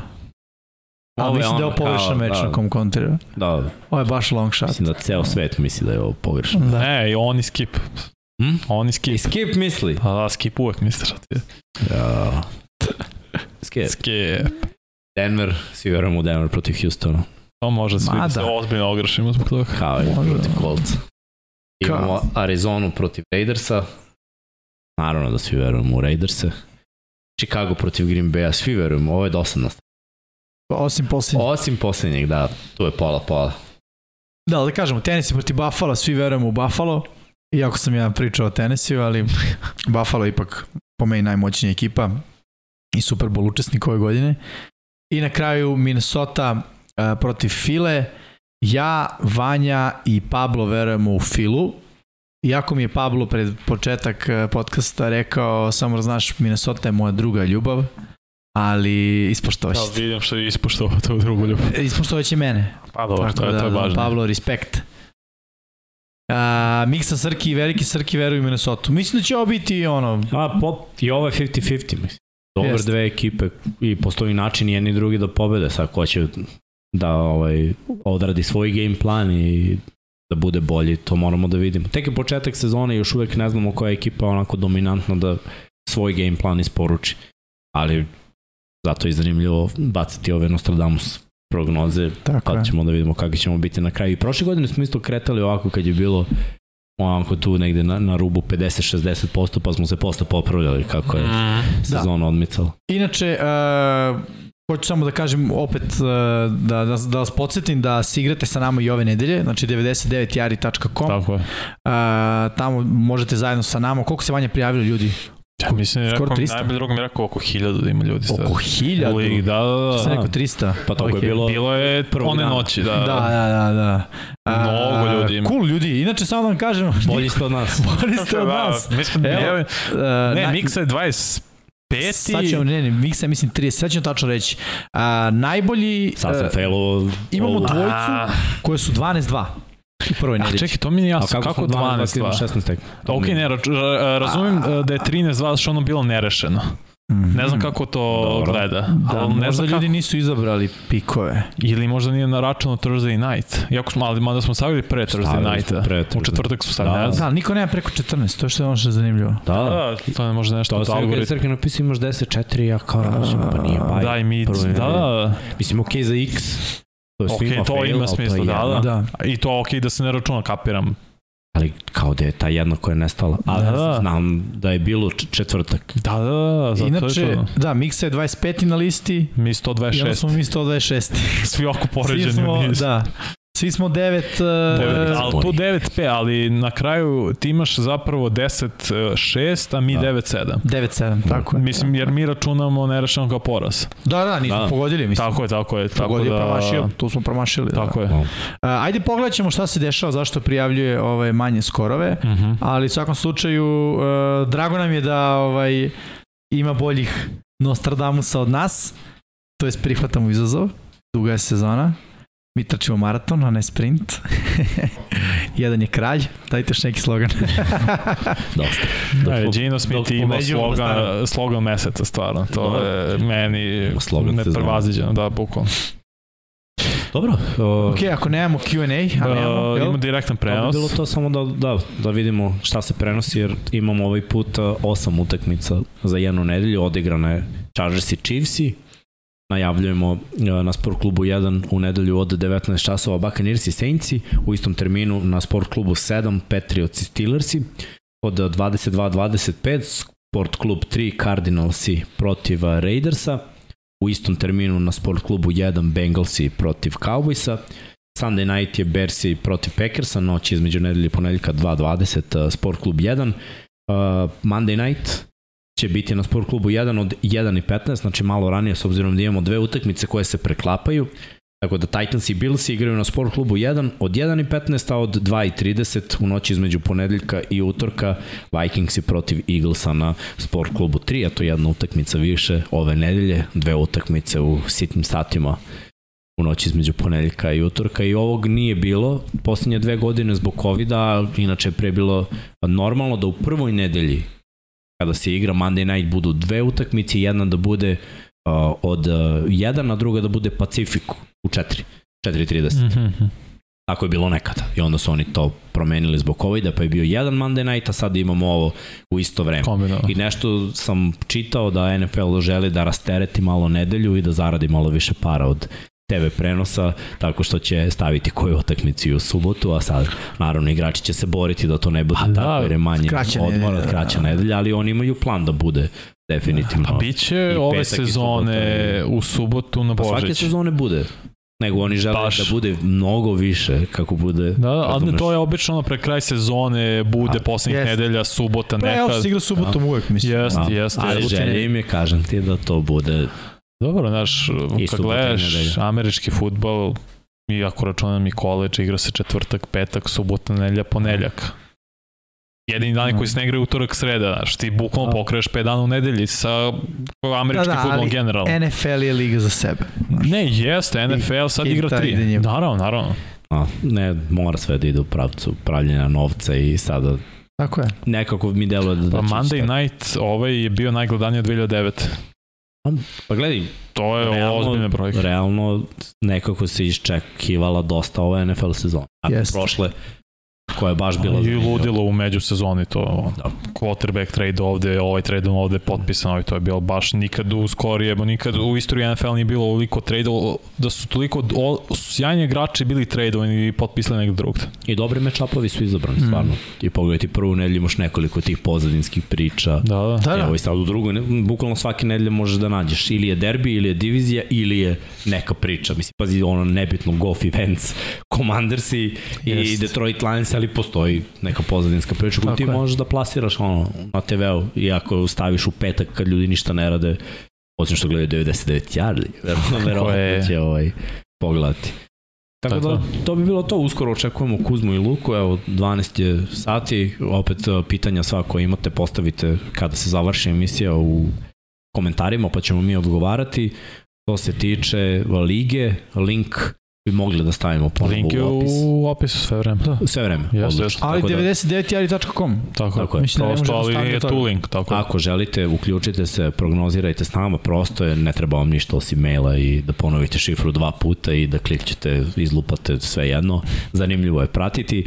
A, takođe like, subscribe, postanite naši članovi na Patreonu, postanite članovi na YouTubeu, naši svetioničari. A, majice stižu uskoro. Tako je. A, Dizajn majica je odrađen. Meni je žao što to nismo napravili u grafici, ali eto možda prilika za sledeću nedelju i to da prikažem. Pa imamo slike majice, može to da Pa se... imamo slike, da, lepo bilo ono kad se okreće. Što mi A, pa stavimo 3D, ljudima, pa da, to, da. mo, to može sledeće nedelje. Malo sam opteretio e, Peru sad u petak, da što je bio haos studij, dosta da snimanja. Da. ali od sledeće nedelje ja ću više Dobro. preuzeti grafike, podelit ću s njim, tako će I, biti i I vremena. ova nedelja je specifična zbog showrana. I to naravno, to je sutra od jedan, radi. tako je, tako je. E da, ljudi, ne odgovara na poruku. Uh, da, ljudi, možda sutra dođete, čini mi se već od 9 ujutru u studio. Da znate, znači otvoren je shop, imamo i novu, ne znam da si video, obojca ste videli tablu, Vidjeli smo, da, da, Tabla da, šuri. Sam hit, dva da. minuta. tabla šuri, Da, da, tako da slikao možete sam. da vidite tačno gde ćete na kom sam spratu i sve, Svetogorska 46, drugi sprat, stan 9, od 9 ujutru će sigurno biti ovde i koleginici iz prodaje Srđan, tako da ono, ja neću biti, ja baš kasno završavam, ali to će biti priprema i možemo, kaže, i imaćete 10% popusta na stvari, tako da to super stvari priprema za showrun koji počinje od 1, tako mislim da od, od 9 do 11 možete da dođete da se slikate, da kupujete šta god, da pričate sa Srđanom, doće i Paja, možda i Deki, tako da ono. I imajte na umu da će grad biti zatvoren pola Tako grada zbog showrun, tako da Što pre dođete i da, nađete parking put. mesto, to tako da kažem. tako je. Mislim da autoput i Kneza Miloša će biti otvoreni. Mislim autoput sigurno, ali Pa da, da, možda kao nije loša lok... Ujutro mislim da će biti otvoreno tako će imati tad prilike da nađu parking, onda pravo Red Bull show run na trgu i to je to. To bi bilo to. To bi Da bilo to. Kako bi Srki rekao, mazite se, pazite se i do sledećeg petka ostanite na Infinity Lighthouse kanalu. Mi vas pozdravljamo Ćao. Infinity Lighthouse studija.